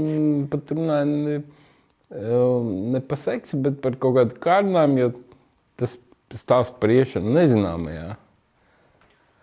Nu, labi. Tur ir tas adrenalīns. Bet... Pat pofīgi, ka varētu būt arī sliktāks seks. Bet tur, kur tu ej, tur, kur tu nezini, tik un tā. Nu, pat pa, pa, cik jau daudz tev gadu jau tur desmit gadu laulības. Ja? Deviņi būs. Deviņi. Tik un tā, nu, mēs viens otru zinām, zinām, kas viens kas patīk. Bet cik mēs vēl visu laiku kaut ko jaunu arī atklājam. Tā nav. Vēl pat atklājam. Jā, jā. Bet, saprot, ejot kaut kādās pilnīgi nu, nezināmās attiecībās, tu viņi figā nezini. Tā, tā ir tā taustīšanās pa tumsu. Tas ir kā, nu, tur tas adrenalīns. Ne jau tajā, ka tu nu, tagad dabūsi kaut ko pēkšņi labāku. Bet tas ir tavs dzīves redzējums. Tas ir vienkārši tā ir apzināta izvēle, ko tu tad izdari vai neizdari, kā tu gribi dzīvot. Jo uh, tie ir pilnīgi citi veidi eksperimenti, un to nevar savienot. Vai nu tad tu ej tajā iekšā? Vismaz, vismaz tādas uh, sievietes kā es to neprastu savienot. Es tas nevaru. Pēc tās morāls, ko tur grūzīja, romančikos ir ok. Bet tepat laikā tu tur arī grūzīji to ka laulības dzīves apstīkst, apsīkst, ieslīgst rutīnā, un pēdējo romančiku vispār beidz ar to, mēs nekad neprecēsimies, mm. mums nekad nebūs bērni, viņi par to vienojas. Uh, Un Bet es, es tur dzirdu to tonalitāti, ka nav tās ticības tādai laulības dzīves ilgstamībai. Nē, tas ir vairāk, zini, um, Ar mani ir tā, ka tavas es rakstu, pieredzes, jā? jā, nē, bet Nē, ar mani tas ir tīri fantāzijas augsts. Nē, tas nav tīri fantāzijas augsts. Es tev tagad pateikšu, kā es vispār radu. Lai es varētu rakstīt, man ir vajadzīgas sajūtas, cilvēki, sarunas, uh, noslēpumi. Man vajag, nu, ir jau iemesls, kāpēc draugi saka, ka es preparēju dvēseles vienkārši. Es to daru. Un, uh, jo vecāk es kļūstu, jo arvien apzinātāk es to daru. Un es nezinu, kāpēc tas ir man kaut kāds maģisks, ka cilvēki man arī uzticas. Nu, es arī nenododu, bet man arī uzticas. Un, uh, un, un, un tas viss kaut kur nogulsnējas, daļēji apzināti, daļēji neapzināti manī, un es to visu izmantoju. Saprot, un par to laulības dzīvi ir tas, ko es, ko es redzu vienkārši apkārt, kas notiek. Bet tu to Un, neatiecini uz savējo. Uh, ne šajā pagaidām. gadījumā, jā, bet arī mēs nesen ar, ar, ar vīru atklājām, ka uh, kā tu vari izprovocēt ilgas, teiksim, man patīk, arī lasu psihoterapijas grāmatas, ka uh, tu nevari tiekties pēc tā, kas tev visu laiku ir blakus. Nu, tas stāsta par to, ka Jā. kleitas katlogā vienmēr ir Un kā iekērojamāk tu par kleitas to galvā, ja kapī. tev vīrs ir visu laiku blakus? Nevar, nevajag visu laiku būt blakus. Distance, telpa, laiku blakus. Jādod ir vienam Distance. otram, jā, jā telpa ir jādod. Bet tev viņš ir visu laiku blakus. Uh, bet uh, nē, mēs tomēr esam sākuši vairāk laika pavadīt arī atsevišķi, nu, tīri Covid laika lockdownā. Jo tāpēc, ka, lai varētu tā enerģijas apmaiņa notikt, nu, ir jābūt, jūs nevarat būt viens vesels.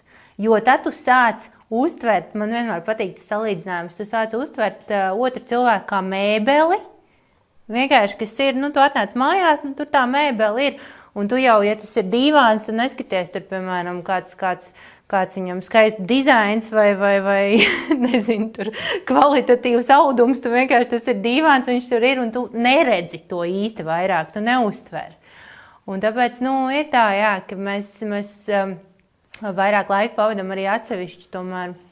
Kā viņš tiek galā ar to? Mm, es tā kā arī ar rakstnieku dzīvoju, un tajā brīdī, kad viņi raksta, viņi vienkārši aiziet kaut kādā blīn, citā O, oh, realitātē, un mm -hmm. kaut kādos brīžos liekas, ka tevi vienkārši ignorē, un nu, kaut kā arī tu no vienas puses tu saproti, ok, tas viņai ir svarīgi, bet no otras puses, nu, kam on, es te arī esmu. Un tu redzi, ka viņi vispār, viņi kaut ko pat atbild, bet viņi vispār mm -hmm. nav šeit un tagad un klāt. Tev arī tā ir. Man arī tā ir, protams. Tas jau ir tas, ko es iztēlē Un teicu. savā citā realitātē. Jā, tas ir tas, ko es teicu sākumā, ka tā ir tā cena, ka es nevaru vispār, ja tu ieeji. mm, Rakstīšana tas arī nav tāds darbs, ko tu vari piecās minūtēs. Teiksim, man tagad ir piecas brīvas minūtes, es vienkārši kaut ko parakstīšu, un tad kaut ko citu darīšu. Tev vajag ieiet, un tev vajag iziet.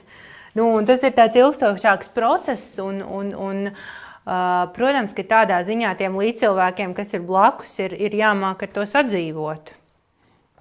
Viņam izdodas.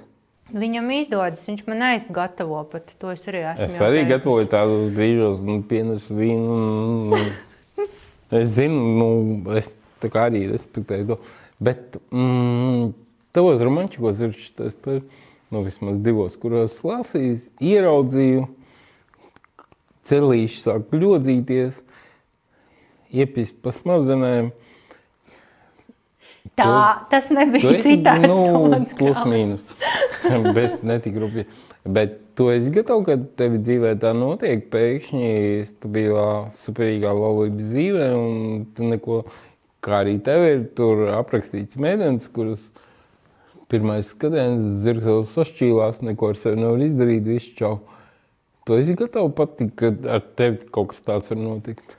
Es ceru, ka nē. Tu ceri, ka Es nē. ceru, ka nē.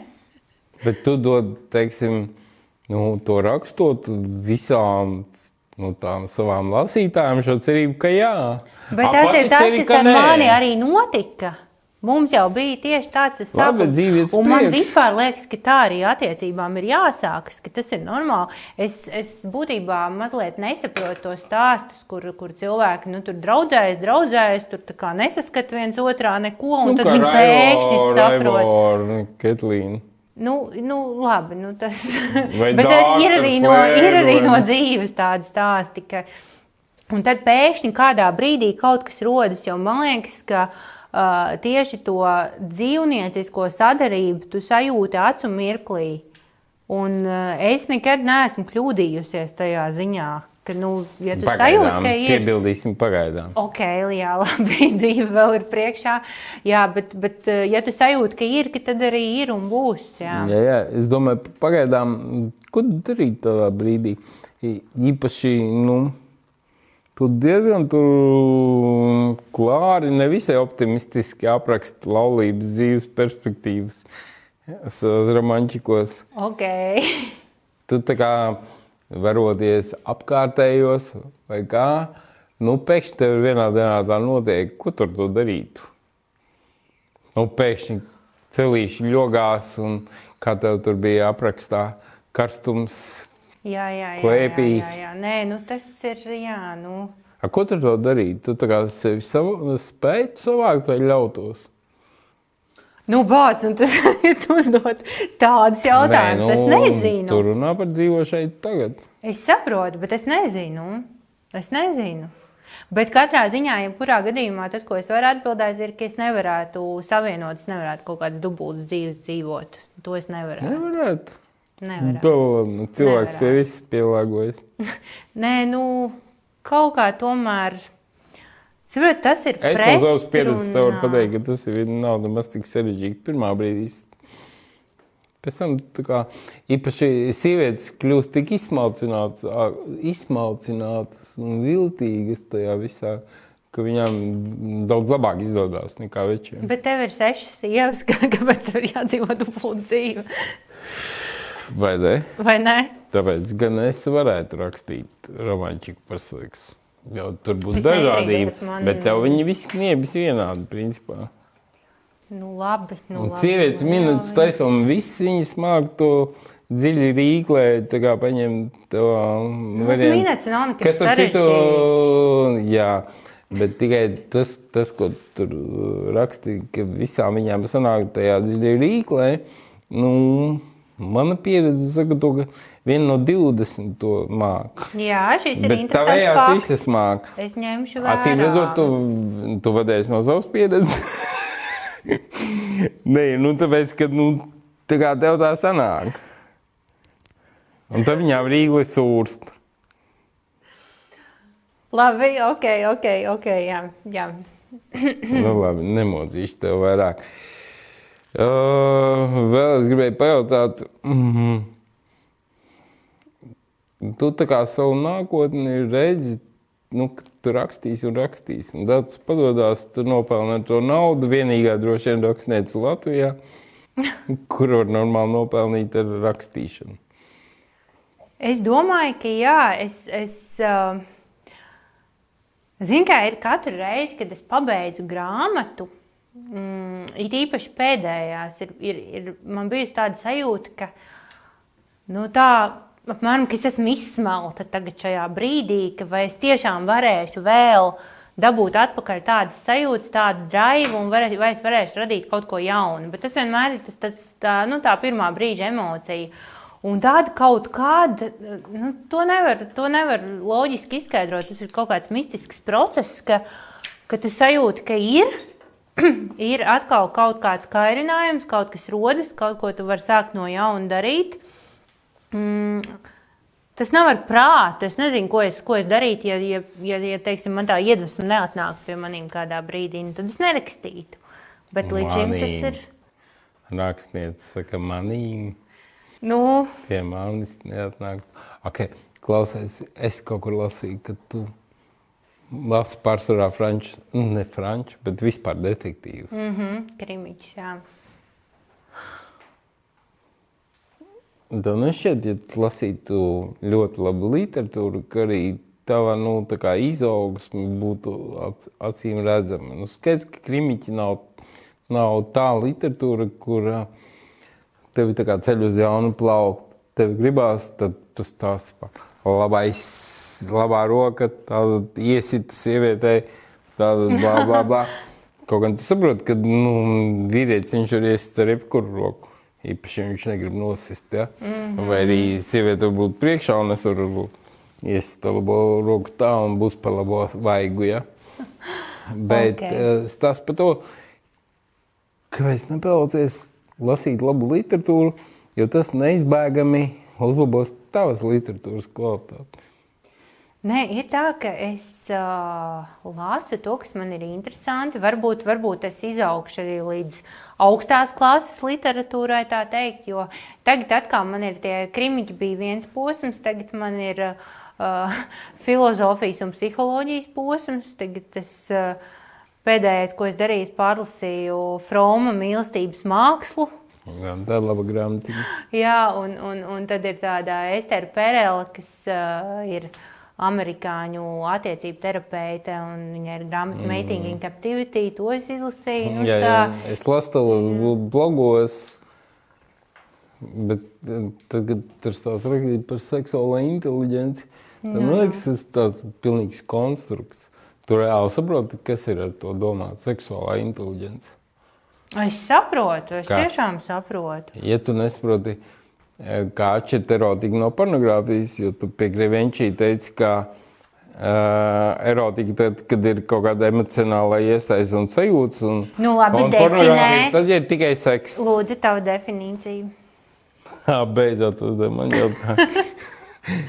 Nē, es domāju, ka pornogrāfija tieši nu, arī video, nu, tieši šis uh, mehāniskais dzimuma orgānu attaisnojums procesā mm -hmm. ļoti detalizēts.